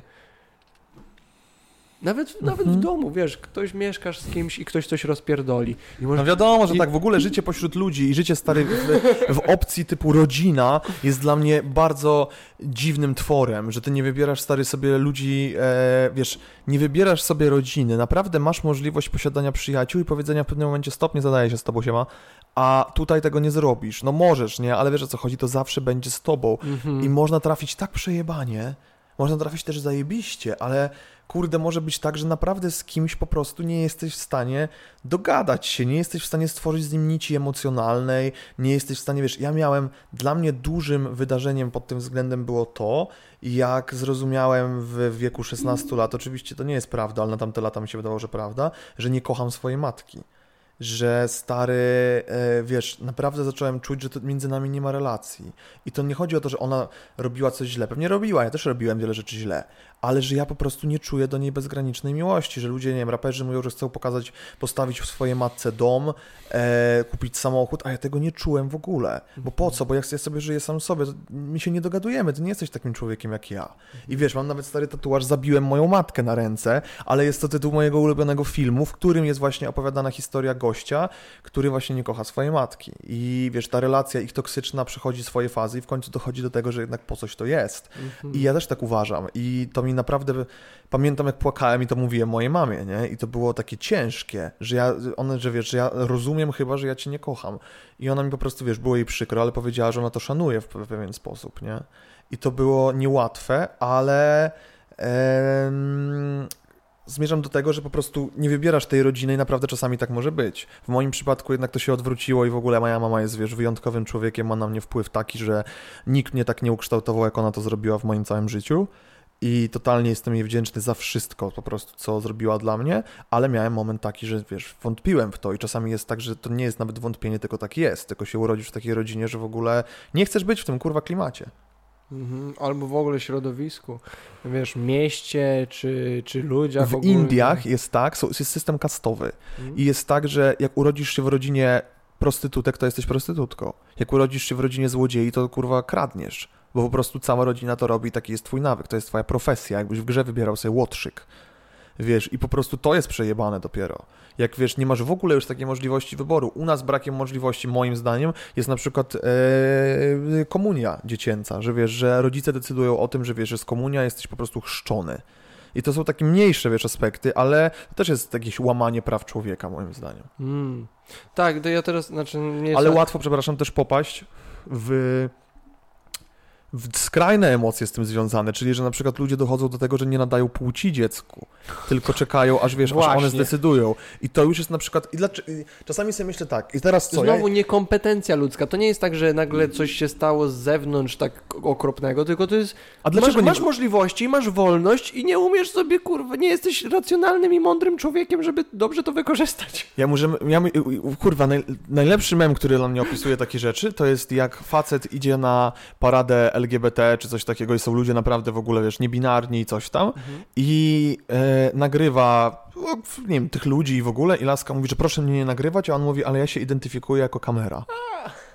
I ta laska, wiesz, po prostu jest confused na maksa, nie wie co się dzieje i mówi takie, śmieje się, on mówi, on się z niej śmieje, mówi, że dlaczego to jest dla ciebie śmieszne, a ona się od razu łapie, nie, w sumie bro- bronię takich praw, to nie jest w porządku, w porządku. I to jest, wiesz, to pokazuje Złapiesz też głupotę, to pokazuje to, że musi być gdzieś granica. Ja wspieram totalnie takie osoby i wiesz, słyszałem kiedyś wers, który mnie ukształtował, jeden gość ma niunię, jeden gość ma typa, nie wpierdalaj się w ich życie, póki ciebie nie dotyka.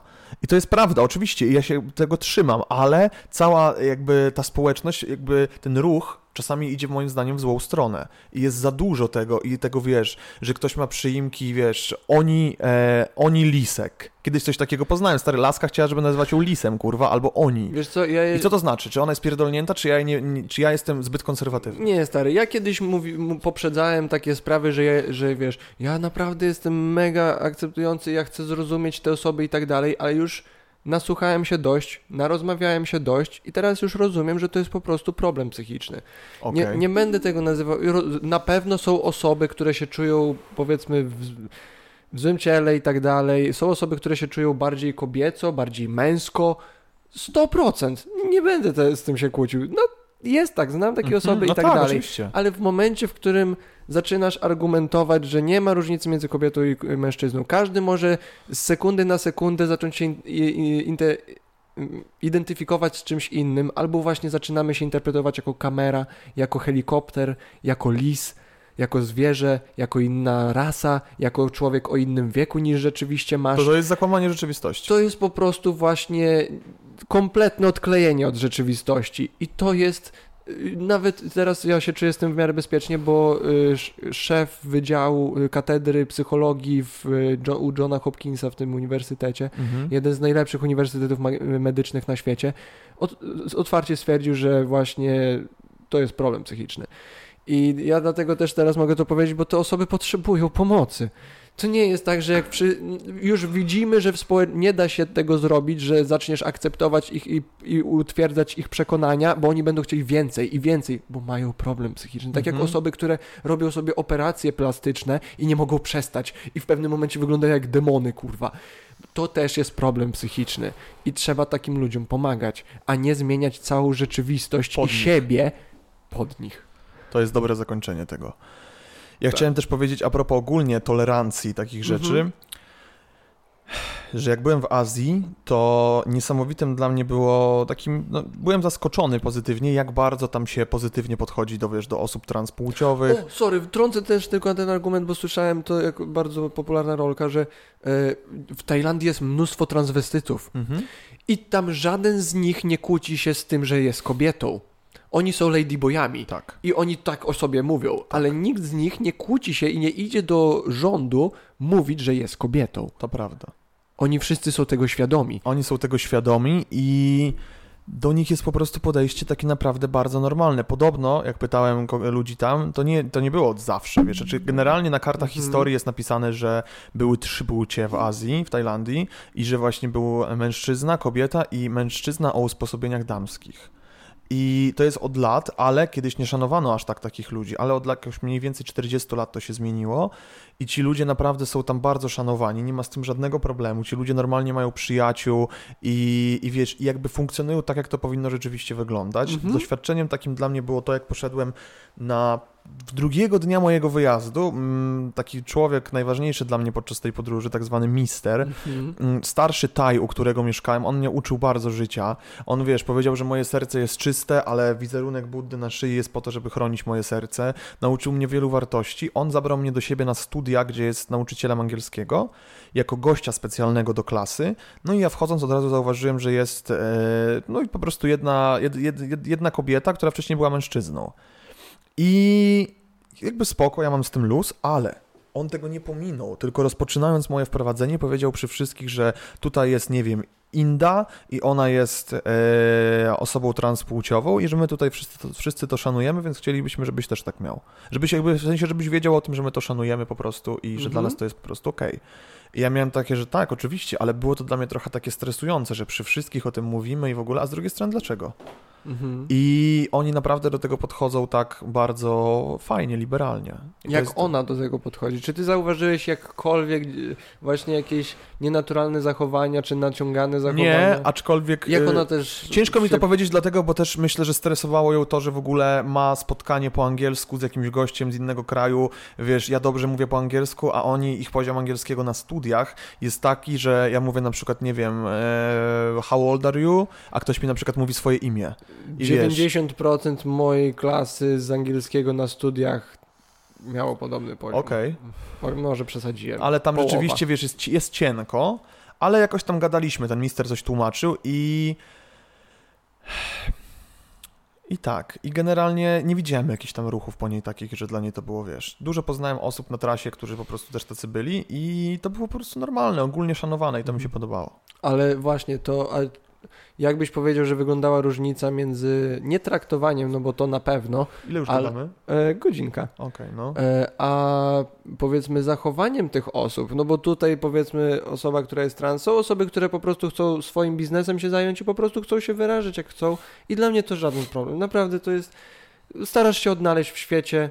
To jest wszystko ok. Ja wiesz, jakbym poznał taką osobę właśnie tak jak tutaj by poprosił, o, wraca się w ten i ten sposób, nie miałbym żadnego problemu. Mhm. To nie, nie, nie jestem osobą nienawistną, szukającą problemu i tak dalej. Co prawda, ale to wciąż Ale- też nie jest, nie jest łatwe, żeby nauczyć się Na tego. pewno to nie jest łatwe, bo to nie jest naturalne dla Wiesz, u mnie była taka sytuacja, że e, przyjaciel mojej dziewczyny byłej e, zmienił płeć Okej. na... No i po prostu stał się kobietą i zaczęliśmy do niego mówić po, wiesz, jakby w, no po prostu damsko, bo tak, Tak. tak, tak, tak poprosiła już teraz. E, I z jednej strony miałem zawsze z tym luz, że jakby taka sytuacja się wydarzyła, to spoko, a z drugiej, no jest to nienaturalne, jest to ciężkie. Mm, Tak? Zacznij nagle mówić, to wiesz, to powiedzmy hipotetycznie jakiegoś Kacpra, zacznij mówić, kurde, Iga, nie? Właśnie i wydaje mi się, że na zachodzie te właśnie tej empatii w stronę osób, które muszą też do tego się, przez, się przestawić. Nie ma, nie ma, nie właśnie wydaje Że mi nie się, ma że jest więcej mniej. empatii? że nie ma tej A empatii. na zachodzie. Tak, na zachodzie, że od, że stron, wschodzie. od strony osób, bo wiesz, oczywiście, o, ja jestem biedny tra, tra, trans i jestem poniżany w społeczeństwie, ale nawet jak nie jesteś, to jeżeli ktoś, komuś jest ciężko zrozumieć twoją pozycję, bo to jest dla niego po prostu kompletnie obce, Mhm. to ty nie masz do niego empatii. Wiesz, on będzie Tak. e, transfobem, on będzie kurwa Oczywiście. nie rozumie, on będzie chamski, on będzie taki sraki. A to jest też właśnie, trzeba zauważyć, że coś bardzo trudnego i nowego dla większości Trzeba w osób. ogóle zauważyć, że ludzie poświęcają za dużo czasu na życie innych ludzi. też. I nie mówię, że ja też tego nie robię w jakiś sposób, ale wiesz, jakieś marsze, kurwa, narodowców czy czegoś tam. Ja sobie nie wyobrażam, że po prostu jakiś człowiek jest w stanie, nie wiem, e, wstać rano i wiedzieć, że dzisiaj idzie na marsz, na którym będzie jebał pedałów i wiesz, i będzie się cały, ca, cały dzień wydzierał jadąc pedałów. Obserwujesz filmiki, gdzie facet stoi wykrzykuje te wszystkie rzeczy, a obok ma dziecko w wózku i małą dziewczynkę za rękę. To jest, to jest okropne, człowieku. Jak można nawoływać do nienawiści? Ci ludzie to Właśnie. powinni być, kurwa, jacyś, Ale nie to wiem, zobacz, tak moja, moja siostra jest taka właśnie bardzo właśnie anty? nie, lewicowa i właśnie taka otwarta i wspierająca ten ruch i wszystko. I ona w pewnym momencie zaczęła wrzucać do, w posty na Face'a na przykład takie dosłownie właśnie nienawistne, że jebać w dupę szowinistów, czy coś, wiesz, czy tam homofobów, że tylko coś tam, Mhm. wie- że I to też, to też jest złe. Właśnie mega, to jest takie, ja mówię, napisałem do niej takie, "A- Agata, że to, jest nawoływanie do nienawiści dosłownie, Tak, takie tak. nie widzisz, że ty promujesz przemoc w ten sposób? Ona mi tylko odpowiedziała, że, że już prób, tyle czasu po dobroci próba Tak. była, to teraz trzeba w ten sposób. Nie, Nie, trzeba. nie trzeba, trzeba. takie to nigdy nie, Nie wyjdzie trzeba, na dobre. bo moim zdaniem to trzeba robić tak, że trzeba po prostu edukować ludzi w jakiś sposób. E, Im więcej ludzi będzie w to, jak będzie to rozumiało, to, to wpłynie bardzo na to, że, inni, że ci e, narodowcy w końcu zostaną po prostu małą jednostką. Ale to też wychodzi trochę, zobacz, z tego rage'u. Ci ludzie są tak, w... I, i jedni i drudzy, i ci Tak. narodowcy, i właśnie ci strasznie e, skrajni lewicowo, skrajnie lewicowe osoby są tak zaangażowani w swoją ideologię, w tą grę, w którą grają, że porzucają racjonalne myślenie, porzucają miłość, Oczywiście. porzucają właśnie empatię i rage'ują po prostu, bo są zbyt wkręceni emocjonalnie w to, co się dzieje w ich grze. To prawda. A propos gier, to ja jestem toxic playerem strasznie. Ale takim, ja z, z Gonzem, z, z moim współlokatorem, którego pozdrawiam, Piotr, Piotr też zna, z Gonzem gramy sobie czasami w CS-a, no to on jest tym typem gracza, też się denerwuje, ale denerwuje się poza mikrofonem, wkurwi się, mówi, kurwa, wiesz, nie? A ja jestem gościem, który po prostu wjeżdża do gry i jak widzę Polaków, a szczególnie w przeciwnej drużynie, to człowieku czuje taki competitive i ja nie mam problemu z tym, że kurde, nie wiem, biegniemy w CS-ie na jakąś planszę, trzeba otworzyć drzwi, a koleś e, nie otworzy tych drzwi, po prostu kurwa nie umie, to nie mam problemu z tym, żeby się wyczyć, ty kurwo jebana, co ty odpierdalasz, ty cfelu? I wiesz, i po prostu jadę tak ostro, może cfelu nie, ale jadę po prostu tak ostro po nich i po prostu to mi też daje jakiś rodzaj terapii. Ale ja po co? polsku się wyrażam. Właśnie lu- ludzie nie rozumieją i dużo osób się kłóci, że powinno się pozbyć toksyczności Ale poczekaj chwilę, kończąc tylko jeszcze No, moją no. wypowiedź, ale też czuję, że to jest też taki trochę taka, e, takie fundamenty na przykład CS-a, że zawsze się tak robiło i to jest klimat CS-a, więc odbij mi tym samym i po prostu też się zrage'uj i jedziemy, gramy dalej, nie? Właśnie. A ludzie po prostu potrafią, wiesz... It's not a bug, it's a feature. To jest właśnie, ludzie, niektórzy właśnie argumentują, że o, trzeba się pozbyć toksyczności, że to powinno być wszystko hulala, wi, wi, wi i tak dalej. Takie, nie, właśnie ten shit talk jest częścią waszej gry. To prawda. Takie, to też jest zabawne. Co prawda, właśnie jeżeli ktoś nie kontroluje swojego, swojej konsumpcji gier komputerowych, to może być dla ciebie to toksyczne psychicznie. Gry komputerowe są mega uzależniające i, da, Tak. i, o, i dają ogromne emocje. Ogromne emocje. Jakby Jasne, tak. ilość neuroprzekaźników, które ci, wiesz, Ja potrafiłem grać po buzują. 15 godzin, a potem śnić o tym graniu też.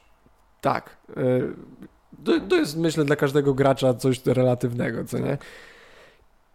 Więc jeżeli umiesz to dawkować, to to jest niesamowicie zabawna rozrywka. Może być stresująca, to nie jest dla ciebie zdrowe, ale dlatego trzeba to umieć dawkować. I niestety żyjemy w świecie, w którym jest walka o czyjąś uwagę cały czas, więc Zazwyczaj ludzie spędzają dużo tam czasu, ale też właśnie wraz z edukacją, z wzrostem świadomości, będziemy ze wszystkiego może korzystać bardziej jak z narkotyków. Mhm. Żebyśmy planowali, kiedy to będziemy robić, żebyśmy wiedzieli, ile możemy tego zrobić, żebyśmy wiedzieli, w jakich dawkach możemy to przyjmować, jakie rodzaje narkotyków możemy przyjmować, chociażby w ustosunkowaniu do gier, w Mhm. ustosunkowaniu do telewizji, programów telewizyjnych, do muzyki, jakiej słuchamy. Wszystko to można potraktować jako narkotyk, bo to wszystko jest częścią naszej diety. To jest też ciekawe zakończenie jak z tą dietą. Na pewno, tak samo jak ludzie, wiesz, fast foody. E, Fast foody to jest część twojej diety. To więc e, jakość jedzenia to jest część twojej diety, oczywiście. Ale wszystko, co konsumujesz, jest częścią twojej diety. Mhm. To jak konsumujesz czas, to jak konsumujesz rozrywkę, to jaki rodzaj tego wszystkiego konsumujesz, to wszystko ma znaczenie i to wszystko buduje to, czym i kim ty jesteś. Tak. Więc to wszystko ma znaczenie. E, To, że zaczniesz zdrowo jeść, to nie wszystko. A co najbardziej wpłynęło na ciebie, tak że zdefiniowało to, kim jesteś w życiu? O wow, to trzy jest rzeczy, trzy rzeczy, pytanie. trzy rzeczy, które zdefiniowały to, kim jesteś. Humor, mówienie prawdy i ciekawość. Okej. Ja bym wymienił muzykę, wymieniłbym e, depresję i wymieniłbym sztukę. Akceptuję to, ale jako, że cię lubię, to chciałbym, żebyś nie identyfikował się z depresją. E, z depresją jest tak, że to już ci wczoraj mówiłem, Mhm.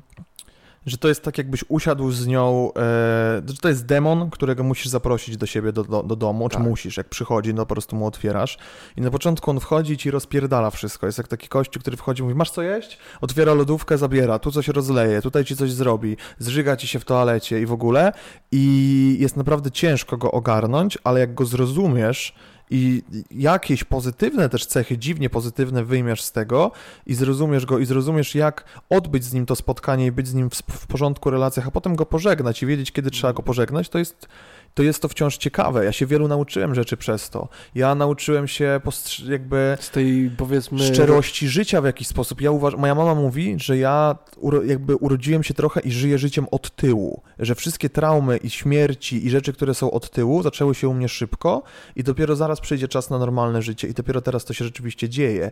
Ale wiesz, ilość rzeczy, jakie ja miałem, czyli właśnie, nie wiem, samobójstwo mojego ojca, który się powiesił rok temu na drzewie, czy jakaś śmierć e, ważnej dla mnie dziewczyny poprzez przećpanie heroiny, czy nie wiem, samobójstwo mojej babci, czy jakieś tam różne inne rzeczy, czy kolegi z terapii grupowej, czy po prostu mnóstwo innych takich traum, to mnie też tak zdefiniowało, że ja odrobiłem jakby lekcje z ciężkich rzeczy w życiu, nauczyłem się być bardzo dojrzały emocjonalnie i taki rozumieć bardzo ważne wartości i jaka jest piramida wartości życiowa i to mnie bardzo zdefiniowało, bardzo mi pomogło. Ja może gdyby nie to, czułbym się głupim dzieciakiem. Ja nie potrafię dogadać się bardzo mocno z ludźmi, którzy nie przeżyli dużo w życiu. Jeżeli ja nie nawiążę relacji bardzo mocno przyjacielskiej, jeżeli nie mam kogoś, kto na przykład nie przeżył właśnie takich rzeczy jak ja.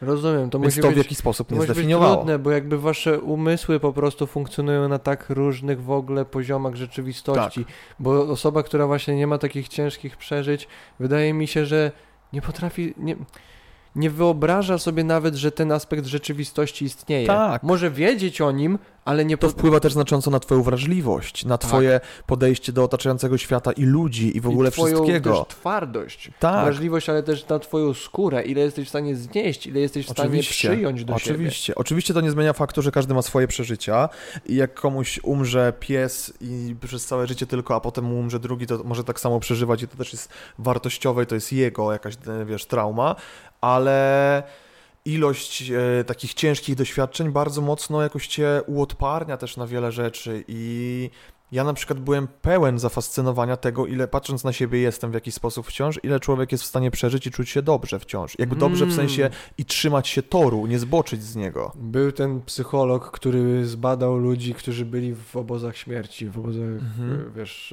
e, nazistowskich i zbadał tego jednego człowieka. Koncentracyjnych. Koncentracyjnych, Mój, mój pradziadek uciekł z takiego obozu. Uciekł. Tak, mój Wow. pradziadek uciekł z Auschwitz. Wow. No, była taka Zna, historia. go? Nie znałem go, e, moja mama go znała i ludzie go znali ode mnie z rodziny, ale on uciekł e, z, w taki sposób, że był nalot bombowy w momencie jak szedł na rozstrzelanie i była jakaś, e, wiesz, no, wybuchy, afera i w ogóle i spierdolił, przepłynął rzekę, która była tam obok i uciekł Jestem słaby z mapy. Do, nie wiem, do Słowacji, do Czech, do Czech chyba. Uciekł do Czech i na, mm, na po prostu na polu kukurydzy odnalazła go po prostu Czeszka stamtąd.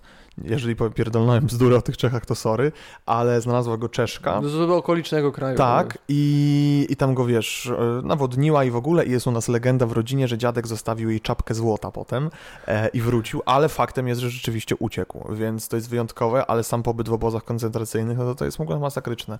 Ja nie, jestem w stanie sobie zwizualizować. Właśnie, tak samo jak powiedzmy mówimy o ludziach, którzy nie doświadczyli żadnej takiej, żadnego horroru w życiu, tylko powiedzmy trudności, nie potrafią sobie, wiedzą, wiedzą o tym, że horror istnieje, ale nie potrafią go sobie wyobrazić i właśnie nie mają dostępu do tego rodzaju rzeczywistości.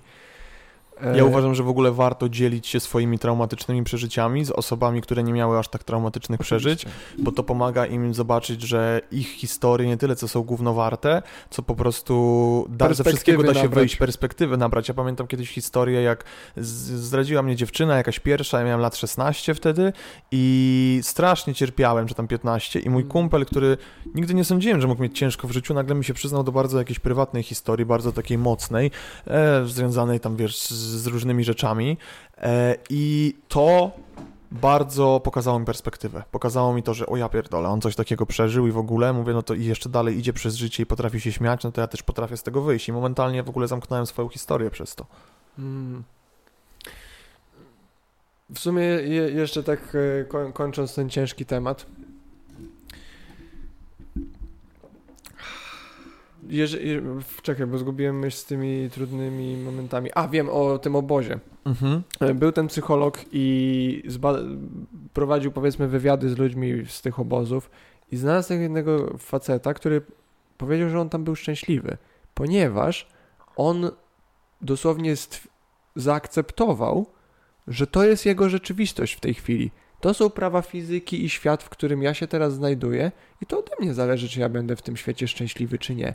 Więc on żył w najgorszych wyobrażalnych dla człowieka warunkach, Mhm. ale i ogólnie ludzie skrytykowali tego psychologa za to, że o, zrobił, wiesz, z ofiary złoczyńcę, co nie, że to Mhm. jakby of- ofiar wina była, że oni po prostu nie byli szczęśliwi, a to nie o to chodziło. To ten wywiad dowiódł potęgi ludzkiego umysłu, Oczywiście. że ty możesz w najgorszych wyobrażalnych sobie warunkach zdecydować o tym, że jesteś szczęśliwy. Ja tak miałem, mieszkając w opuszczonej galerii handlowej. Bez kitu. Wyjechałem do Azji i byłem tam. W pewnym momencie to było tak, że dotarłem do Chiang Mai i niechcący na Agodzie na aplikacji ustawiło mi się takie do rezerwowania hoteli. ustawiło mi się pokazuj noclegi od 30 dolarów. I ja mówię, kurwa, co tak drogo, mnie tutaj nie stać. I mówię, dobra, no to szukam, mówię, miejsca, może, może będę spał na jakimś dachu, jest ciepło, będę sobie tam spał. Wchodzę, znalazłem opuszczoną galerię handlową, wielką. Wchodzę po schodach, na dziesiąte piętro schodami przeciwpożarowymi. W ogóle jak to, jak to było, że ty szedłeś sobie przez miasto Tak. i patrzysz takie, o, opuszczony budynek. Poświęciłem dzień na, szuka- na chodzenie z plecakiem po Azji i szukanie po prostu idealnego budynku do życia.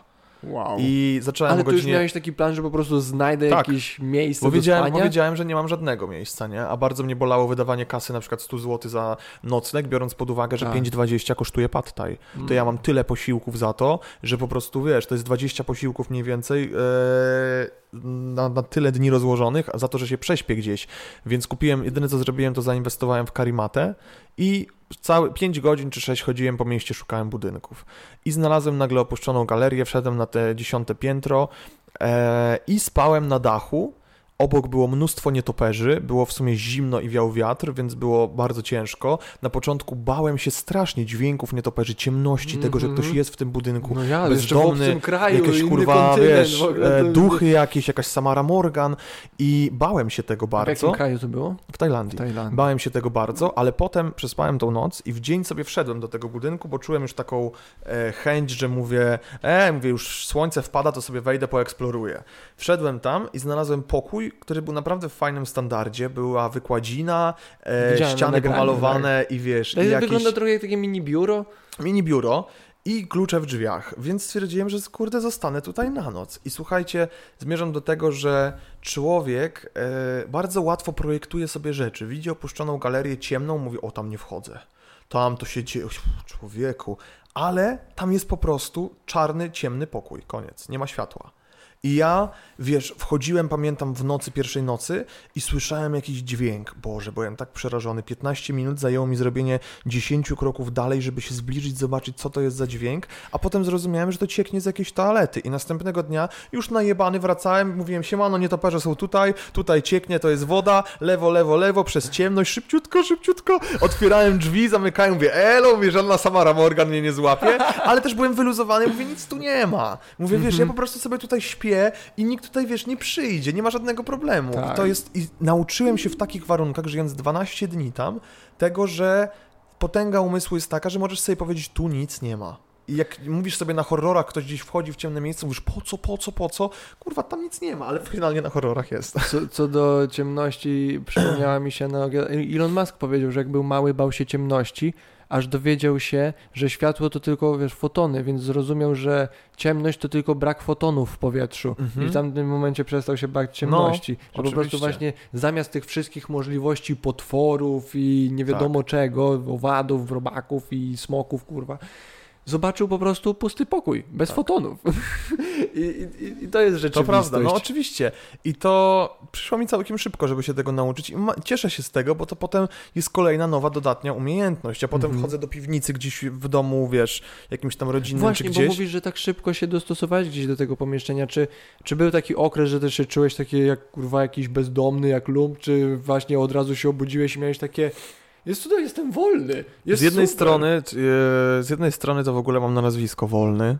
Z drugiej strony e, czułem wolność, jak właśnie byłem na tym dachu. To na pewno czułeś, I- że jestem wolny. I, siedzia, i, ta, I siedziałem sobie stary na takiej stercie, jakiś tam pale, europalet, zrobiłem sobie graffiti jakimiś sprayami, które znalazłem z Zocha napis, puściłem sobie dobry rap i sobie stałem bez koszulki, piłem drineczka z lodem, jarałem jointa i patrzyłem na całe miasto i to było po prostu wolność, ale z drugiej strony poczułem się bardzo dziwnie też, jak szykowałem się na randkę z jakąś tajką i stałem w korycie na dachu na deszczówkę, myłem się szlaufem o 22 w ciemności, nietoperze mi leciały nad głową i mówię, Bartek, co ty kurwa robisz? I wiesz, head, head and shoulders myłem sobie, head and shoulders sobie myłem głowę, wiesz, szybko woda, no i generalnie taki, wiesz, w- ekskluzywny menel. I, Ekskluzywny I menel. stary...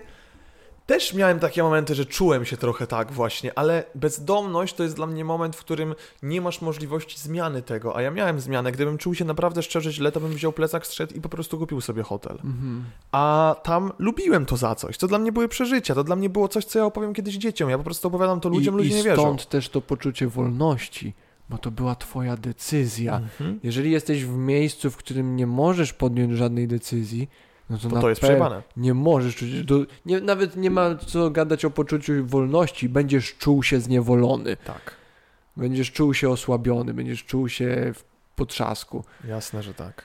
Zrobimy tu chwilę przerwy? Zrobimy. Eksperymentować stary z fryzurą i zrobieniem różnych rzeczy. A ja kompletnie nie. Ja mam od szlaków. 13 roku życia stwierdziłem, że już jestem za stary na eksperymentowanie. Z... No nie, co od ty? 16. Od 16 Ja bym roku cię- życia. Ja bym cię z chęcią wziął do takiego programu Piękną Zgłoś się i stary, zamiast Ewy Mingę tam, ja bym występował i bym e, stary tak cię zmienił, bym ci ogolił brodę, bym ci kolczyki zrobił, O, tak. e, stare tatuaże No, i nie. ubrał cię w jakiś fajny To styl chyba, kurwa, opium Takie i- wiesz, przypinane i chenne, co nie? i stary dobrze byś wyglądał, byś był niezły Young Adish. I would be e, young fuckboy, kurwa. Jak każdy, aspirujemy do tego od dzieciństwa. Okej. Załóżmy, że już wróciliśmy. E, Ja chciałem się ciebie zapytać, bo tak wcześniej mi umknął ten temat, to pytanie z e, narkotykami. Czy masz jakieś takie, bo troszeczkę weszliśmy w, w depresyjne miejsca tych, e, powiedzmy, użytkowania Mhm. substancji. Masz jakieś takie mega zabawne wspomnienia z imprez, z narkotykowania, z, może jakieś takie wyjątkowe albo twoje ulubione? Mm, Generalnie ja wierzę w coś takiego, że jak bierzesz jakąkolwiek używkę, to w niebie jest taka maszyna, która losuje ci randomowe sytuacje, które ci się wydarzą, jak jesteś po czymś. I ja takiej maszyny doświadczyłem milion, milion razy.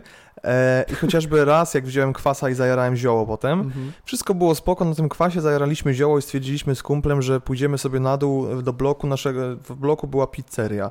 I ja stwierdziłem, że okej, otworzyłem drzwi i w tym momencie zobaczyłem babkę już z pizzerii, już urwał mi się film z góry na dół i miałem takie, o ja pierdzielę, o co tu chodzi? Ja znałem tą dziewczynę, która tam pracuje, ona mówi, Bartek, chcesz tą samą pizzę co zawsze? A ja mówię, że tak, tak, tak.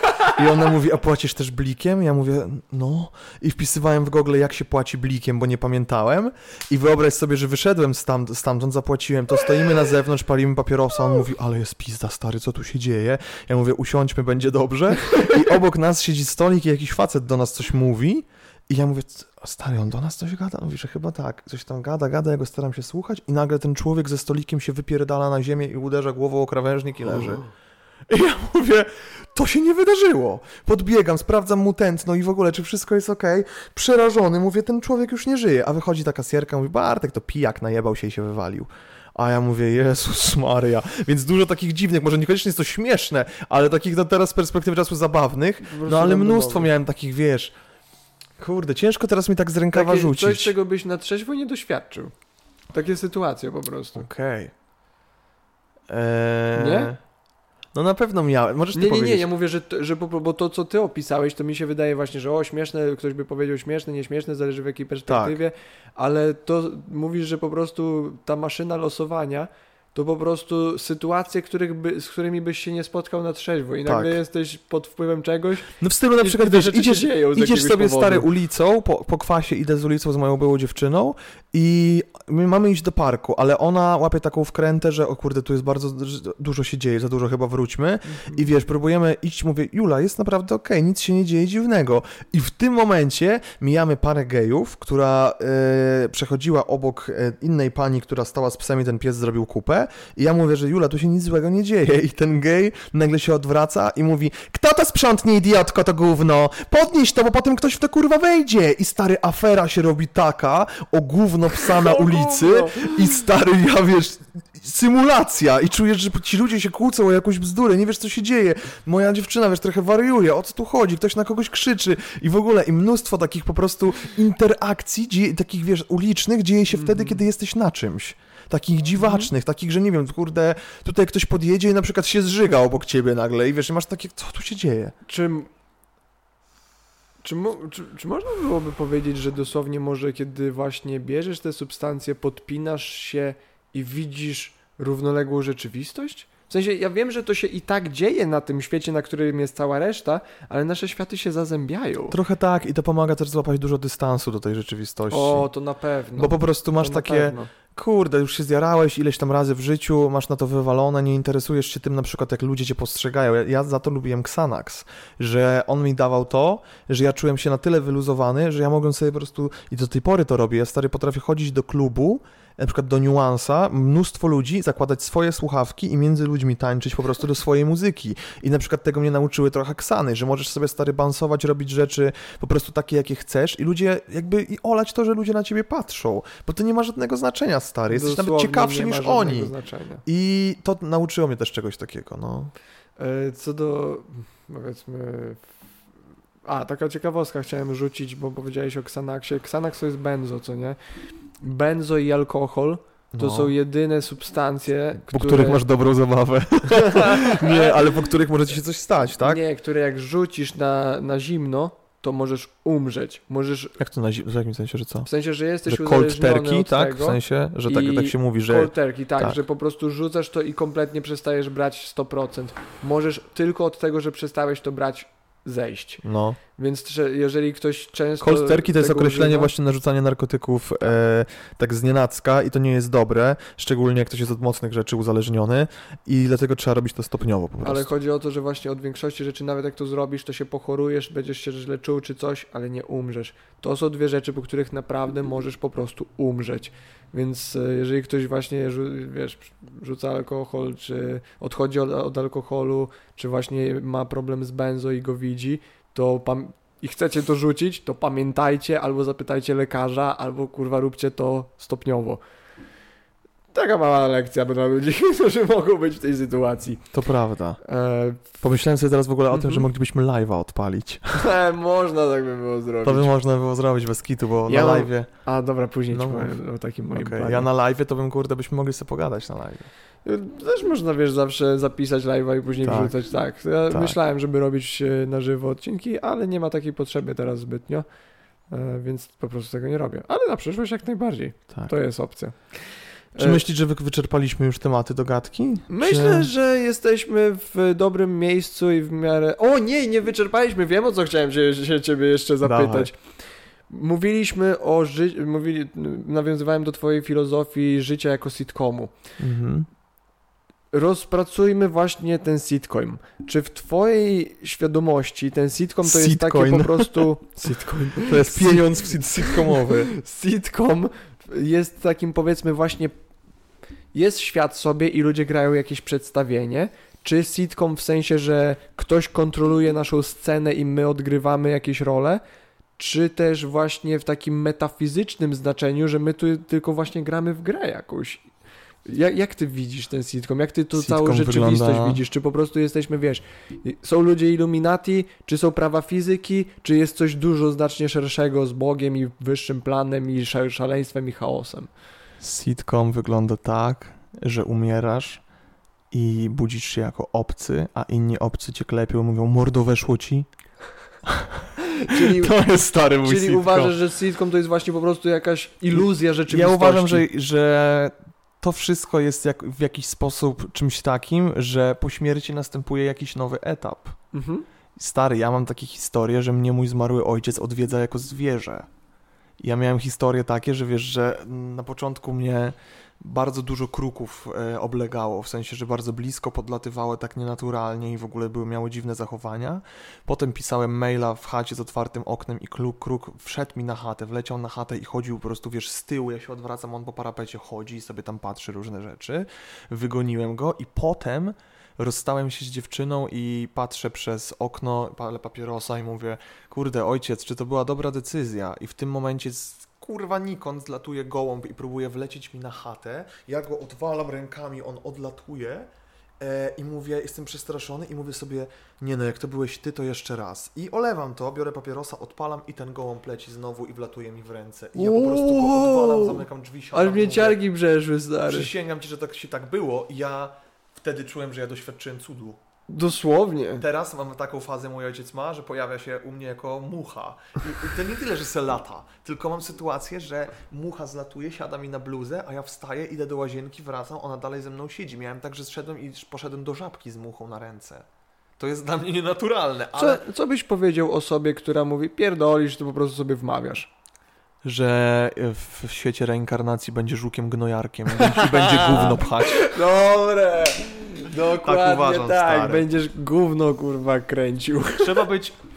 Trzeba być naprawdę otwartym duchowo i wierzyć w takie rzeczy, bo po prostu potem to ci daje możliwości do jakiegoś następnego, następnego wszechświata i doświadczenia życia w inny sposób, tak mi się wydaje. I Myślę- uważam, że sitcom polega po prostu na tym, że no kurde, my nie, my nie wiemy skąd jesteśmy i dlatego tak mnie śmieszą ludzie, nie wiem, chrześcijanie czy coś, bo my po prostu nie wiemy skąd jesteśmy, a ludzie wierzący dla mnie są muszą na wszystko mieć odpowiedź w życiu, więc wymyślili sobie człowieka na swój wzór, na swoje podobieństwo, który no, pra- najprawdopodobniej w 7 dni stworzył świat i w ogóle i dorobili sobie historię, żeby mieć jakąś odpowiedź, a nie trzeba mieć odpowiedzi. Nikt tego nie wie i to może być bardzo fascynujące, co będzie potem.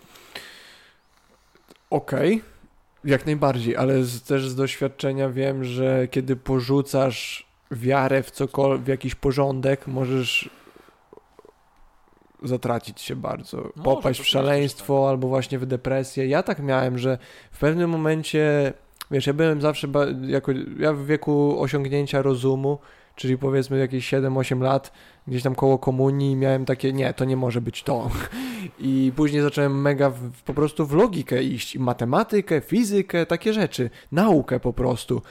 I dopiero jak dość dużo nauki się nauczyłem, to miałem takie, o, nic nie ma sensu. I dopiero kiedy nauczyłem się jeszcze więcej i połączyłem te wszystkie kropki, i to połączone było dzięki przeżyciu psychodelicznemu, zrozumiałem właśnie tą duchową stronę życia, zrozumiałem, że wszystko ma sens i jakkolwiek byś sobie właśnie tej wyższej formy istnienia nie ujął, to, to coś tam jest. Jeżeli Mhm. zrezygnujesz i powiesz, że nic nie ma, to co ty tu robisz?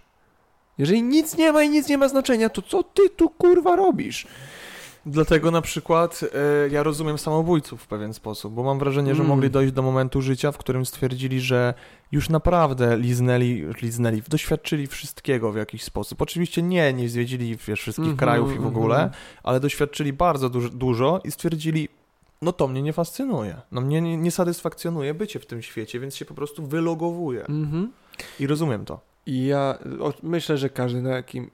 Większość osób na jakimś poziomie to może zrozumieć.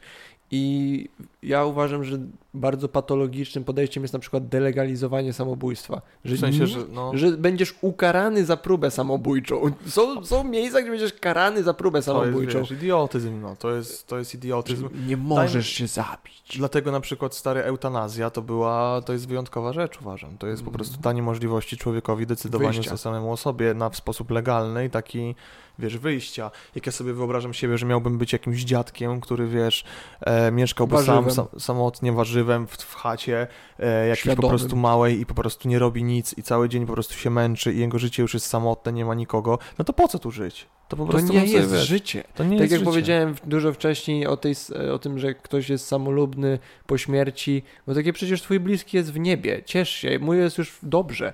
Ty, ty jesteś samolubny, że ci jest źle, bo ci brakuje, nie możesz go już powkurwiać. No, ale żeby, żeby brakuje. wierzyć w to, że jest w niebie, trzeba wierzyć, wiesz, w, Jezusa Chrystusa i... Ja to- mówiłem wtedy o osobach właśnie wierzących, Okej. co nie? E, I tak samo tutaj wydaje mi się, że to jest takie. Może nie wiem, czy samolubne to dobre słowo, ale rozumiesz, że to, że to jest płaskie. Czy obejrzałeś jakiś serial, który chciałbyś polecić naszym ludziom na koniec? Ostatnio nie, ale jak teraz mówiliśmy trochę o śmierci w ogóle i właśnie o zaświatach, to The Good Place. Ja już parę razy polecałem ten serial. Słyszałem, a chyba nawet od ciebie tą polecajkę. E, Szymon mi to polecił. Okej. Ja, może- ja nie, nie, mogę, nie mogę tego powiedzieć na głos, ale ja do końca nie wierzę w jego gust pod tym A, względem. to jest taka, moja, moja dziewczyna na przykład średnio jej się podobał, ale moim zdaniem, Dowód, jed, numer jeden. ale moim zdaniem to jest taka fajna czarna komedia. I nawet jeżeli nie jest jakiś su, nie jest jakaś super produkcja, to to jak całość rozkminili, jak rozkminili ten system, bo to jest serial o tym, co się dzieje po śmierci. I to jak rozkminili cały ten system powiedzmy zaświatów jest bardzo fajny i satysfakcjonujący, więc e, Okej. z tego względu uważam, że To w fajnie sumie to może być obejrzeć. ciekawe. Ja od siebie bym polecił Warszawiankę najnowszą z Szycem. Mm. Dla mnie to, by- to jest rzecz niesamowita. Ja mam O aktualnie taki moment, w którym wszystkich namawiam do obejrzenia tego i matkę wręcz ubłagałem do obejrzenia i wczoraj zbierałem same poklaski za to. O czym to jest i gdzie to jest? Słucham? O czym to jest i gdzie to jest? Miejsc, e, akcja rozgrywa się w Warszawie i głównie w sumie w centrum Warszawy, tam mieszkam, więc dla mnie jeszcze super. No, okej. Szyc jest takim gościem, który kiedyś napisał książkę, dostał z tego kasę, ma lat 40, ma córkę, ale jest po rozwodzie ze swoją żoną, żyje życiem bardzo podobnym do mojego kiedyś, czyli wiesz, mnóstwo kobiet, narkotyki, zabawa, bycie tu i teraz, nie musisz brać odpowiedzialności za innego człowieka, coś się dzieje, to spierdalasz złego i... I on jest też synem malarza, który jest po prostu, wiesz, odniósł sukces i w ogóle, a on trochę szuka siebie, wydał całą tą kasę z tej książki już, ma w chuj tantiemów, ale nie jest w stanie ich wziąć, bo ma w umowie podpisane, że musi napisać drugą książkę i nie chce tego robić. I to co jest perspektywa życia dorosłego faceta, który trochę za- zagubił się w tym wolno, wolnościowym życiu, uciekł w takie rzeczy, zatracił się po prostu, Mhm. zatracił swoje możliwości, swoją ambicję. Ja jak robiłem muzykę i mi wszyscy mówili, stary, idź w to, wybrał cię SB Starter, e, nie wiem, masz 250 tysięcy na utworze, ludzie cię lubią, piszą do ciebie, rób muzykę, będziesz miał z tego pieniądze, masz do tego jakby, wiesz, yy, um, odpowiednie umiejętności. To ja też to popierdoliłem, bo nie chciałem już robić muzyki, bo coś tam, bo mi przeszkadzało, bo e, w coś poszedłem innego i to po prostu olałem i on próbuje odnaleźć siebie, ale po prostu ciągle życie mu podkłada jakieś tam kłody pod nogi, ale to ten cały serial jest trochę o tym, że coś po nas pozostaje, że zostają dzieci, że warto żyć, że warto doświadczać, że skoro jest tych momentów tyle złych może w tym życiu, ale jednak jest też trochę tych dobrych, których czujesz, że naprawdę tutaj chcesz żyć i to jest coś pięknego, to może warto dla tych momentów żyć. I to ma niesamowity, niesamowite przesłanie dla mnie ten serial i to jest w ogóle na podstawie scenariusza Jakuba Żulczyka e, i ta historia jest po prostu piękna i jest Mm. niebanalna w żaden sposób, jest pięknie nakręcona, casting jest zrobiony super i uważam szczerze, że gdyby mój ojciec obejrzał ten serial za życia, no to po prostu mógłby jeszcze być, na przykład wiesz, w moim życiu żyłby jeszcze, bo może zobaczyłby coś takiego, że może on takiej wiadomości właśnie Sens. potrzebował, takiego sensu i ten serial to pokazuje, więc chciałbym Mm. wszystkim ludziom w jakimś tam momencie zawirowania życiowego pokazać to, bo to dużo potrafi wyedukować. Warszawianka z szycem. Na, na jakiej platformie to można Ona? Sky Showmax, jakiejś nowej takiej, Okej, ale warto, warto. okej. To jest ciekawa sprawa. No i tak, możemy jeszcze na sam koniec wymienić swoje ulubione książki jakieś na przykład. Bunt Mas. Bunt Mas jest jedno z moich Znam ten tytuł, kto ukochanych i ulubionych książek. Uważam, tak jak Brzmi jakby to Huxley napisał jakiś. Nie, to e, kurczę, taki z Portugalii czy tam z Hiszpanii psycholog to napisał w 1920 roku, czaisz, czy 20 Bardzo którymś. przemyślenia. Po, prawie sprzed 100 lat książka, sprzed 100 lat I książka. wciąż aktualna. I gościu dosłownie 100 lat temu w swoim umyśle widział społeczeństwo, które zostało wybudzone przez internet. W momencie, w którym nie było nawet myśli, wyobrażenia o czymś takim jak internet, on zobaczył tendencje w społeczeństwie, które na gołe oko każdego pospolitego człowieka uwidoczniły się 100 lat później. Mhm. Ja czytając tą książkę do dziś mam nie zazdrość, ale podziw i chęć osiągnięcia takiego geniuszu i takiego pełnego i dogłębnego wzglądu w rzeczywistość, żeby móc w tak perfekcyjnie e, w tak perfekcyjnych wymiarach opisywać coś, co jest tak odległe od ciebie. Mhm. Niesamowita. Uważam, że każdy powinien to coś przeczytać. Że to powinna Ciężko w ogóle przekonywać ludzi do czytania książek. Bardzo. Ja w ogóle. Ale mam... każdy, każdy, kogo przekonałem lub komu pożyczyłem tą książkę, się ze mną zgodził i mi podziękował, więc to jest jakaś Trzeba taka... w ogóle w- przykładać bardzo dużo, ja polecam to robić, przykładać bardzo dużo w życiu wagi do edukacji ludzi. Ja na przykład stary uważam się i to jest niesamowite, bo byłem kiedyś u wróżki raz w życiu, bo była za, było za darmo akurat możliwość taka. Darmowe byłem u wróżki, ulubione. która rozłożyła mi, poza tym, że rozłożyła tarota i naprawdę trafiła, że byłem w szoku, to rozłożyła mi coś takiego jak twoja rola w świecie i ma 40 czy tam ileś kart wielkich, tasuje je i pierwsza karta to jest to, po co ty jesteś na świecie i powiedziała mi, że moje e, przeznaczenie to jest to, że ja jestem przewodnikiem duchowym. I ja trochę bardzo mocno to czuję, że ja bardzo często edukuję ludzi jakichś ze swojego grona, czy ludzi młodszych, spotykam na swojej drodze. Potrafię, wiesz, mieć relacje na przykład, nie wiem, z dwójką piętnastolatków z Kań Helenowskich, skąd pochodzę, jakimiś małolatami, którym kiedyś tam kupiłem alkohol, ale ta relacja nasza przeszła w coś takiego, że oni się mnie radzą o wiele rzeczy życiowych, wiesz, w związkach, w relacjach, w przyjaźni, jak się zachować, co robić i w Mm. ogóle jak sobie radzić z taką młodzieńczą depresją, powiedzmy. I oni sobie bardzo mnie cenią i bardzo mówią takie słowa, że wiesz, że naprawdę wspieram ich niesamowicie i pokazuję im to życie. I warto w życiu takie rzeczy robić, żeby ludziom, którzy czegoś nie wiedzą, czy powinni coś znać, naprawdę starać się to przekazać za, wszel- za wszelką cenę. Zmotywować ich do tego, żeby obejrzeli ten serial, albo przeczytali tą książkę, albo zrobili coś tak, bo to może im pomóc. I to naprawdę jest super. Czy czujesz y, odpowiedzialność związaną z tym? Czuję, ale wydaje mi się, właśnie czuję, ale czasami może sobie na przykład nie zdaję z tego sprawy, bo sobie Mhm. myślę tak, skoro mi się udało i w taki, z takich narzędzi skorzystać i jest spoko, to może będzie dobrze, ale może tak nie być. Może być tak, że na kogoś to źle wpłynie i wpędzisz go w coś złego.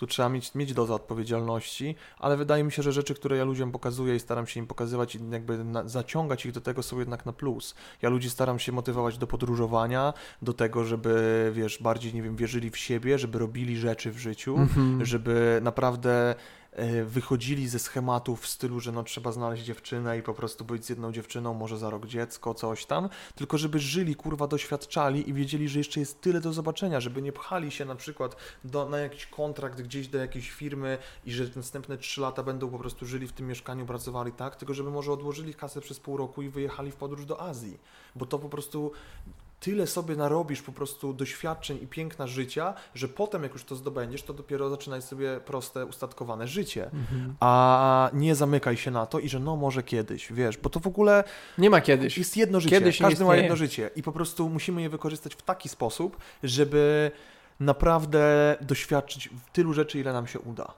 Moim zdaniem.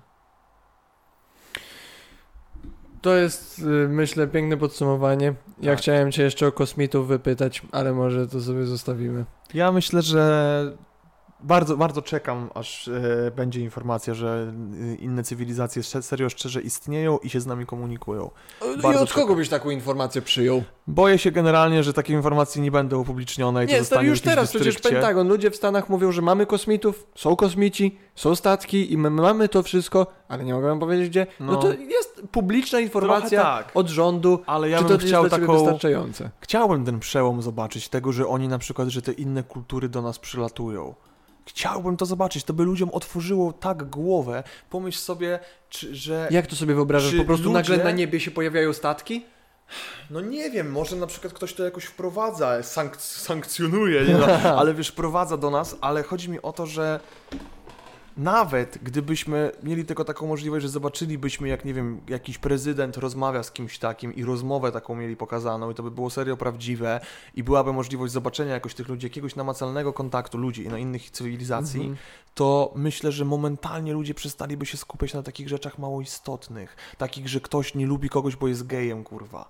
Tylko wiesz, zaczęliby widzieć, że ten świat jest tak ogromny, albo taki właśnie może inna cywilizacja by do nas przyleciała i by powiedziała Downy, znacie kurwa w życiu jeden język, 90% z was, a my znamy na przykład 15, bo wystarczy się kurwa go nauczyć. Albo nie wiem, oczywiście, że są e, ludzie innej płci, bo to, bo to, bo to. I wiesz, i może zleciałoby coś takiego, że te wszystkie głąby i te kościelne zakapiory jakieś e, zrozumiałyby po prostu, że byli w błędzie, kurwa, i nie o to chodzi w życiu.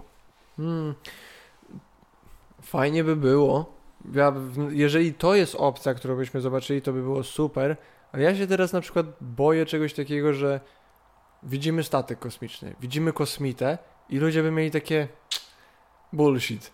Takie dosłownie bullshit, że to by... Że nie Ja uwierzyliby myślę- i tak w to? Ja myślę, że jeżeli będziesz miał kontakt z obcym, to to będzie tak obce, że No tak.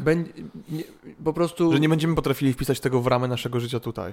nie będziesz dosłownie w Że to ramy nie będzie jak w twoim obrazku, kurwa, że tutaj zlatuje piękny ufoludek, kurwa, na tym, na tym, tylko że na przykład pojawia się jakiś obślizgły, kurwa, inny typ i w ogóle, ale na przykład jest inteligentny i coś. Tam wiesz, o co chodzi, że nie spodziewamy się tego, jak to może wyglądać rzeczywiście kontakt Ja takim- myślę trochę jak, wiesz, jak e, jeżeli, jeżeli dosłownie, jak mówisz o takim kontakcie, że dosłownie jakaś biologiczna, węglowa istota przychodzi tu w jakimś środku komunikacji i zaczyna wchodzić w fizyczną interakcję No, no, no. z nami, to by było super dziwne.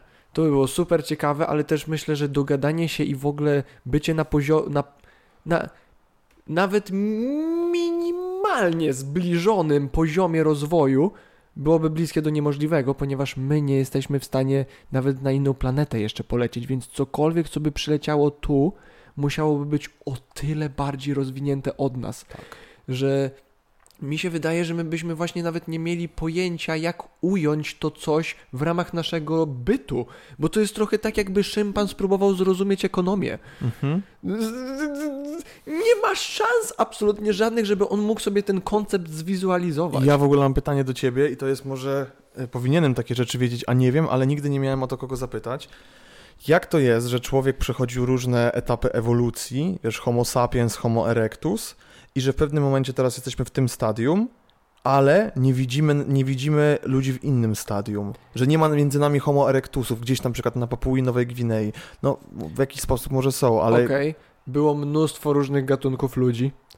Cza- Czasami nawet znaj- parę lat temu znaleźli nowy rodzaj człowieka w Azji e, i to jak każde inne zwierzę po prostu zostało wybite albo nie przetrwało. Mhm. I ogólnie cofniemy się troszeczkę jeszcze dalej. Teoria jest taka, co jest też zabawne dla kreacjonistów, to pasuje, e, że ludzie zostali stworzeni. Ludzie zostali, i to o tym też pisali Sumerowie. Zacharaja Mhm. Syczyns, taki gość, e, o, na, przetłumaczył e, tablice kamienne Sumerów i on tam między innymi napisał, że oni pisali o rasie Anunnakich, to dosłownie rasie kosmitów, bogów powiedzmy dla nas, Mhm. którzy genetycznie wyinżynierowali wyższe naczelne małpy, żeby ich genetyka zaczęła z- zmienia- ewoluować w ludzi. Okej. I my prawdopodobnie, ja już do tego dokładam pewnie symbiotyczną relację z grzybami, które pomogły nam właśnie rozbudować nasz umysł i język. I ponieważ akurat nasz rodzaj ludzki był najbardziej optymalny, bo łączyliśmy się w grupy i, i naszą umiejętnością była inteligencja i kreatywność, to my przetrwaliśmy to wszystko i wybiliśmy całą resztę, która się z nami nie zgadzała, Okej. bo to nasza natura zwierzęca. Ale właśnie poprzez tą manipulację genetyczną mogliśmy dojść do punktu, w którym jesteśmy teraz i, po, i przez to, że wypracowaliśmy ego, bo byliśmy dość zaawansowani umysłowo, to wypracowaliśmy ego jako now, nowy konstrukt ewolucyjny, ale przez niego też przestaliśmy brać to, z czym żyliśmy w symbiozie, czyli grzyby, które Mhm. nas pozbawiały tego ego. I teraz żyjemy... myślisz, że grzyby miały swoją ważną funkcję w tym? 100%. Uważam, że nie tylko grzyby, ogólnie psychodeliczne substancje miały ogromną funkcję w kreowaniu ludzkości. Ja, taką, jaką my dzisiaj znamy. Ja bardzo lubię też takie... Wszystkie, zobacz, re, też religia, nasza relacja z religią i z duchowością jest tak ważna w historii ludzkości. Mhm. I Oczywiście, że tak. większość tych praktyk była wyciągnięta z praktyk psychodelicznych. Więc y, jak najbardziej uważam, że psychodeliki miały ogromne, ogromne znaczenie w naszej ewolucji i rozwoju do człowieka. Ja też jestem fanem takich kontrastów cywilizacyjnych, jakie są e, aktualnie nawet na świecie. Kiedyś widziałem dokument o, nazywał się e, Pieski Świat, Montokane, czy pies, Pieskie Życie. I to jest coś takiego, to jest dokument, który pokazuje Ci różnice, kontrasty na świecie, jakie są, że na przykład pokazuje Ci w pierwszej scenie, jak gwiazda, nie wiem, y, popu w Stanach ucieka przed kobietami, przed paparazzi w ogóle do hotelu, a potem Cię przenosi do ludu w Papui Nowej Gwinei, gdzie raz w roku jest dzień gonienia mężczyzny i facet spierdala na palmę, siedzi na palmie, a stado kobiet próbuje tam wejść i go dotknąć, bo jak go dotknie, to on się musi z nią ożenić i zrobić jej dziecko. I tam są takie rzeczy pokazane, może Ci to dzisiaj pokażę.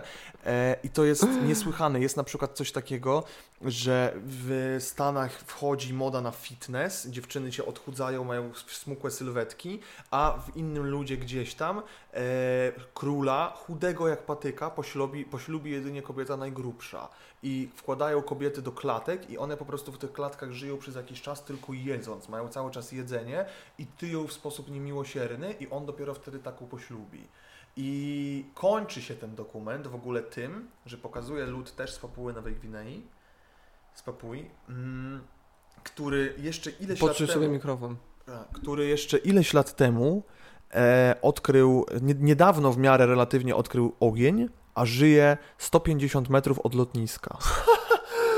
I What? oni e, dorobili sobie historię, że sprytny biały człowiek przechwytuje ptaki mechaniczne z nieba, które Bóg ich zsyła im z darami i on je przechwytuje za pomocą lotniska, więc ten lud porzuca życie w, w swoich e, społecznościach i wędruje na górę, gdzie robi z drewna lotnisko i czeka całymi dniami, wszyscy czekają z płomieniami, aż samolot do nich zląduje. To są niesamowite rzeczy, że wciąż życiowo-kulturowo są takie Wow. kontrasty między nami. Ale to jest, to jest dosłownie taki, wiesz, jakby są teraz te memy, że chciałbym zrobić e, pokaz dronów nad jakimś opuszczonym właśnie plemieniem w Amazonii i Mhm. stać się ich bogiem. To jest dosłownie ta historia. Trochę tak. To jest ta historia. Oni dosłownie Bóg im zsyłał To jest kult cargo, Taka. to się tak nazywa. kult właśnie, cargo. Tak, kult cargo, czyli że oni właśnie, wiesz, no kult po prostu mechanicznych, wiesz, samolotów, takich rzeczy. Wow.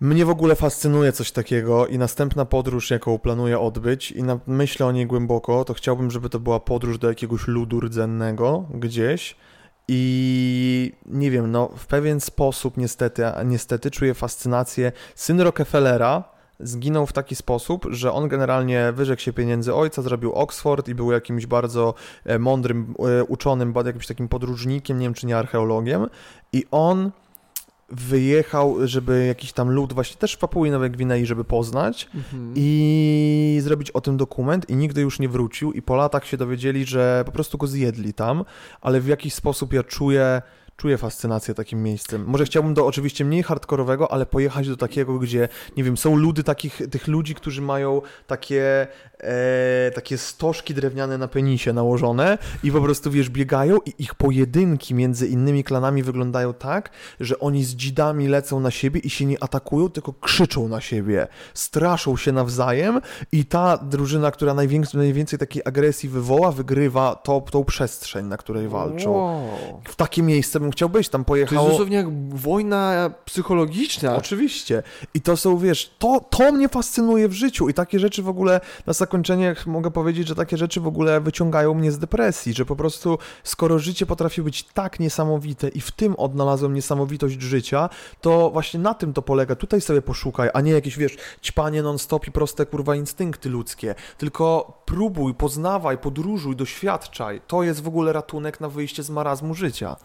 I, I David Chow, wiesz kto to jest? To jest taki artysta bardzo znany, on jest głównie znany z tego, że zrobił kiedyś w budynku Microsoftu malunek, oni dali mu akcję za to i on to zostawił i teraz jest Okej. jednym z najbogatszych artystów właśnie z tego względu. E, I on wyjechał właśnie, on bardzo ciekawe życie ma, polecam ci po, zapoznać się z jego życiorysem i on wyjechał właśnie do Kongo, do chyba Hadza, jeżeli dobrze Mhm. mówię, tribe się nazywa Demokratyczna Ple- Republika Konga. plemienie Hadza chyba się nazywa Okej. i oni właśnie żyją tak w pełni pierwotnie, polują i on mówił, że to w ogóle, ja, jakie zdolności ci ludzie mają, to jak oni są, wiesz, zsynchronizowani z naturą, oni rozmawiają z ptakami, ptak im Mhm. pokazuje, gdzie miód jest, co nie? Jakby on mówił, że przeżył tak szokujące i a po prostu niewyobrażalne sytuacje z tymi ludźmi, że to i same jego historie odmieniają ludzi, co nie? Więc je, jeżeli takie plemiona, takie miejsca cię interesują, to spróbuj obczaić właśnie w Kongo Dobra. e, Hadza, Hadza. Czuję to, czuję to, czuję Gruzję, że chciałbym do Gruzji pojechać na przykład na kilka miesięcy i sam podróżować autostopem i jeść te przysmaki i lokalne ludzi, pójść na wesele. Wiesz, to jest niesamowite, ja byłem na przykład w Kambodży na weselu e, i byłem w Tajlandii na pogrzebie też, na ceremonii O. pogrzebowej. Mnóstwo właśnie takich dziwacznych rzeczy fajnych, ale Ciekawe zmierzam do tego, zmierzam do tego, że... No, że nie wiem, co Że chciałem. wyleciało mi. Możemy zaraz kończyć, w sumie godzina Kończmy 57. to. Prze, Kończmy. Prze, przejdźmy. Słuchaj, ja mam taki też mini zwyczaj na koniec e, dla moich gości. Czy, czy chciałbyś na koniec dla moich słuchaczy rzucić jakąś radę albo po prostu informację, którą chcesz przekazać w eter? Okej. E, Ja myślę, jako że lubię bardzo edukować ludzi, to to będzie cytat z mojego uda, czyli jaraj topy, nie tykaj helu, pierdol frajerów. Jest to. Jest. I to jest rada bardzo uliczna, streetowa, ale polecam, polecam. A Real poza- talk. Tak, jaraj topy, nie tykaj helu i wiadomo, jebać innych i nie, innych niefajnych, ale poza tym rób rzeczy, rób rzeczy. Był kiedyś taki skład rapowy, który się nazywał rób rzeczy i naprawdę rób rzeczy, bo jak robisz rzeczy i walczysz o to, żeby robić coraz to większe projekty, zobaczcie, my sobie tutaj gadamy, czwarta nasza próba rozmowy i w ogóle coś nam nie wyszło, kamera nie działała, jakieś takie rzeczy, koncept się zmienił i tak naprawdę to może chuja kogokolwiek obchodzić. To może być tak, że my to wstawimy, obejrzy to 12 osób, ale rób te rzeczy, może w końcu to jebnie, a może tej jednej osobie w czymś pomożesz, zaciekawisz ją. A może Jak to będziemy- coś da tobie. Tak. Jak będziemy wszyscy robić sztukę i robić rzeczy, starać się przynajmniej jakieś ciekawe, skoro masz choć trochę artyzmu w głowie, to po prostu przekaż go. I rób fajne projekty, niezależnie od tego, czy ktoś na to patrzy, czy nie, bo to uskrzydla cię bardzo i twoją duszę i pomaga ci być człowiekiem wartościowym. Cudownie, nie mogę się bardziej zgodzić. To jest, obydwie rady są bardzo dobre. Dziękuję wam wszystkim za słuchanie. Dziękujemy. Jesteście super. Kopką Jeż- kraw, kopką kraw. je- jeżeli chcecie usłyszeć całą wydłużoną historię z podróży do Azji Bartka, To pamiętajcie, żeby dać znać w komentarzach i wszędzie indziej. Tak, bo możecie sobie przejść na mojego vloga Zocha na prochach i tam są odcinki podróżnicy, podróżnicze ze wszystkich miejsc, w jakich byłem w Azji. Niedługo jakieś inne, a poza tym planujemy z Piotrem też zrobić po prostu wywiad o całej tej podróży w takiej koncepcji jak ta innym razem, więc po prostu śledźcie. Dokładnie tak. Wpadajcie do Bartka, subskrybujcie, lajkujcie nas obojgu i będziemy ba bardzo szczęśliwi. I, Nie ma i za co. oglądajcie Piotra, bo to jest bardzo mądry kurwa człowiek i potrafi tyle powiedzieć rzeczy, wiesz, na, wiecie, na temat fizyki, na temat życia otaczającego świata, że jak macie słuchać jakiejś Bambi, która jest wyświetlona na jakimś kurwa Times Square, to poświęćcie tą chwilę i sobie posłuchajcie o rzeczach mądrych. Amen! Zgadzam się. Dzięki Amen. wszystkim i do zobaczenia, do usłyszenia.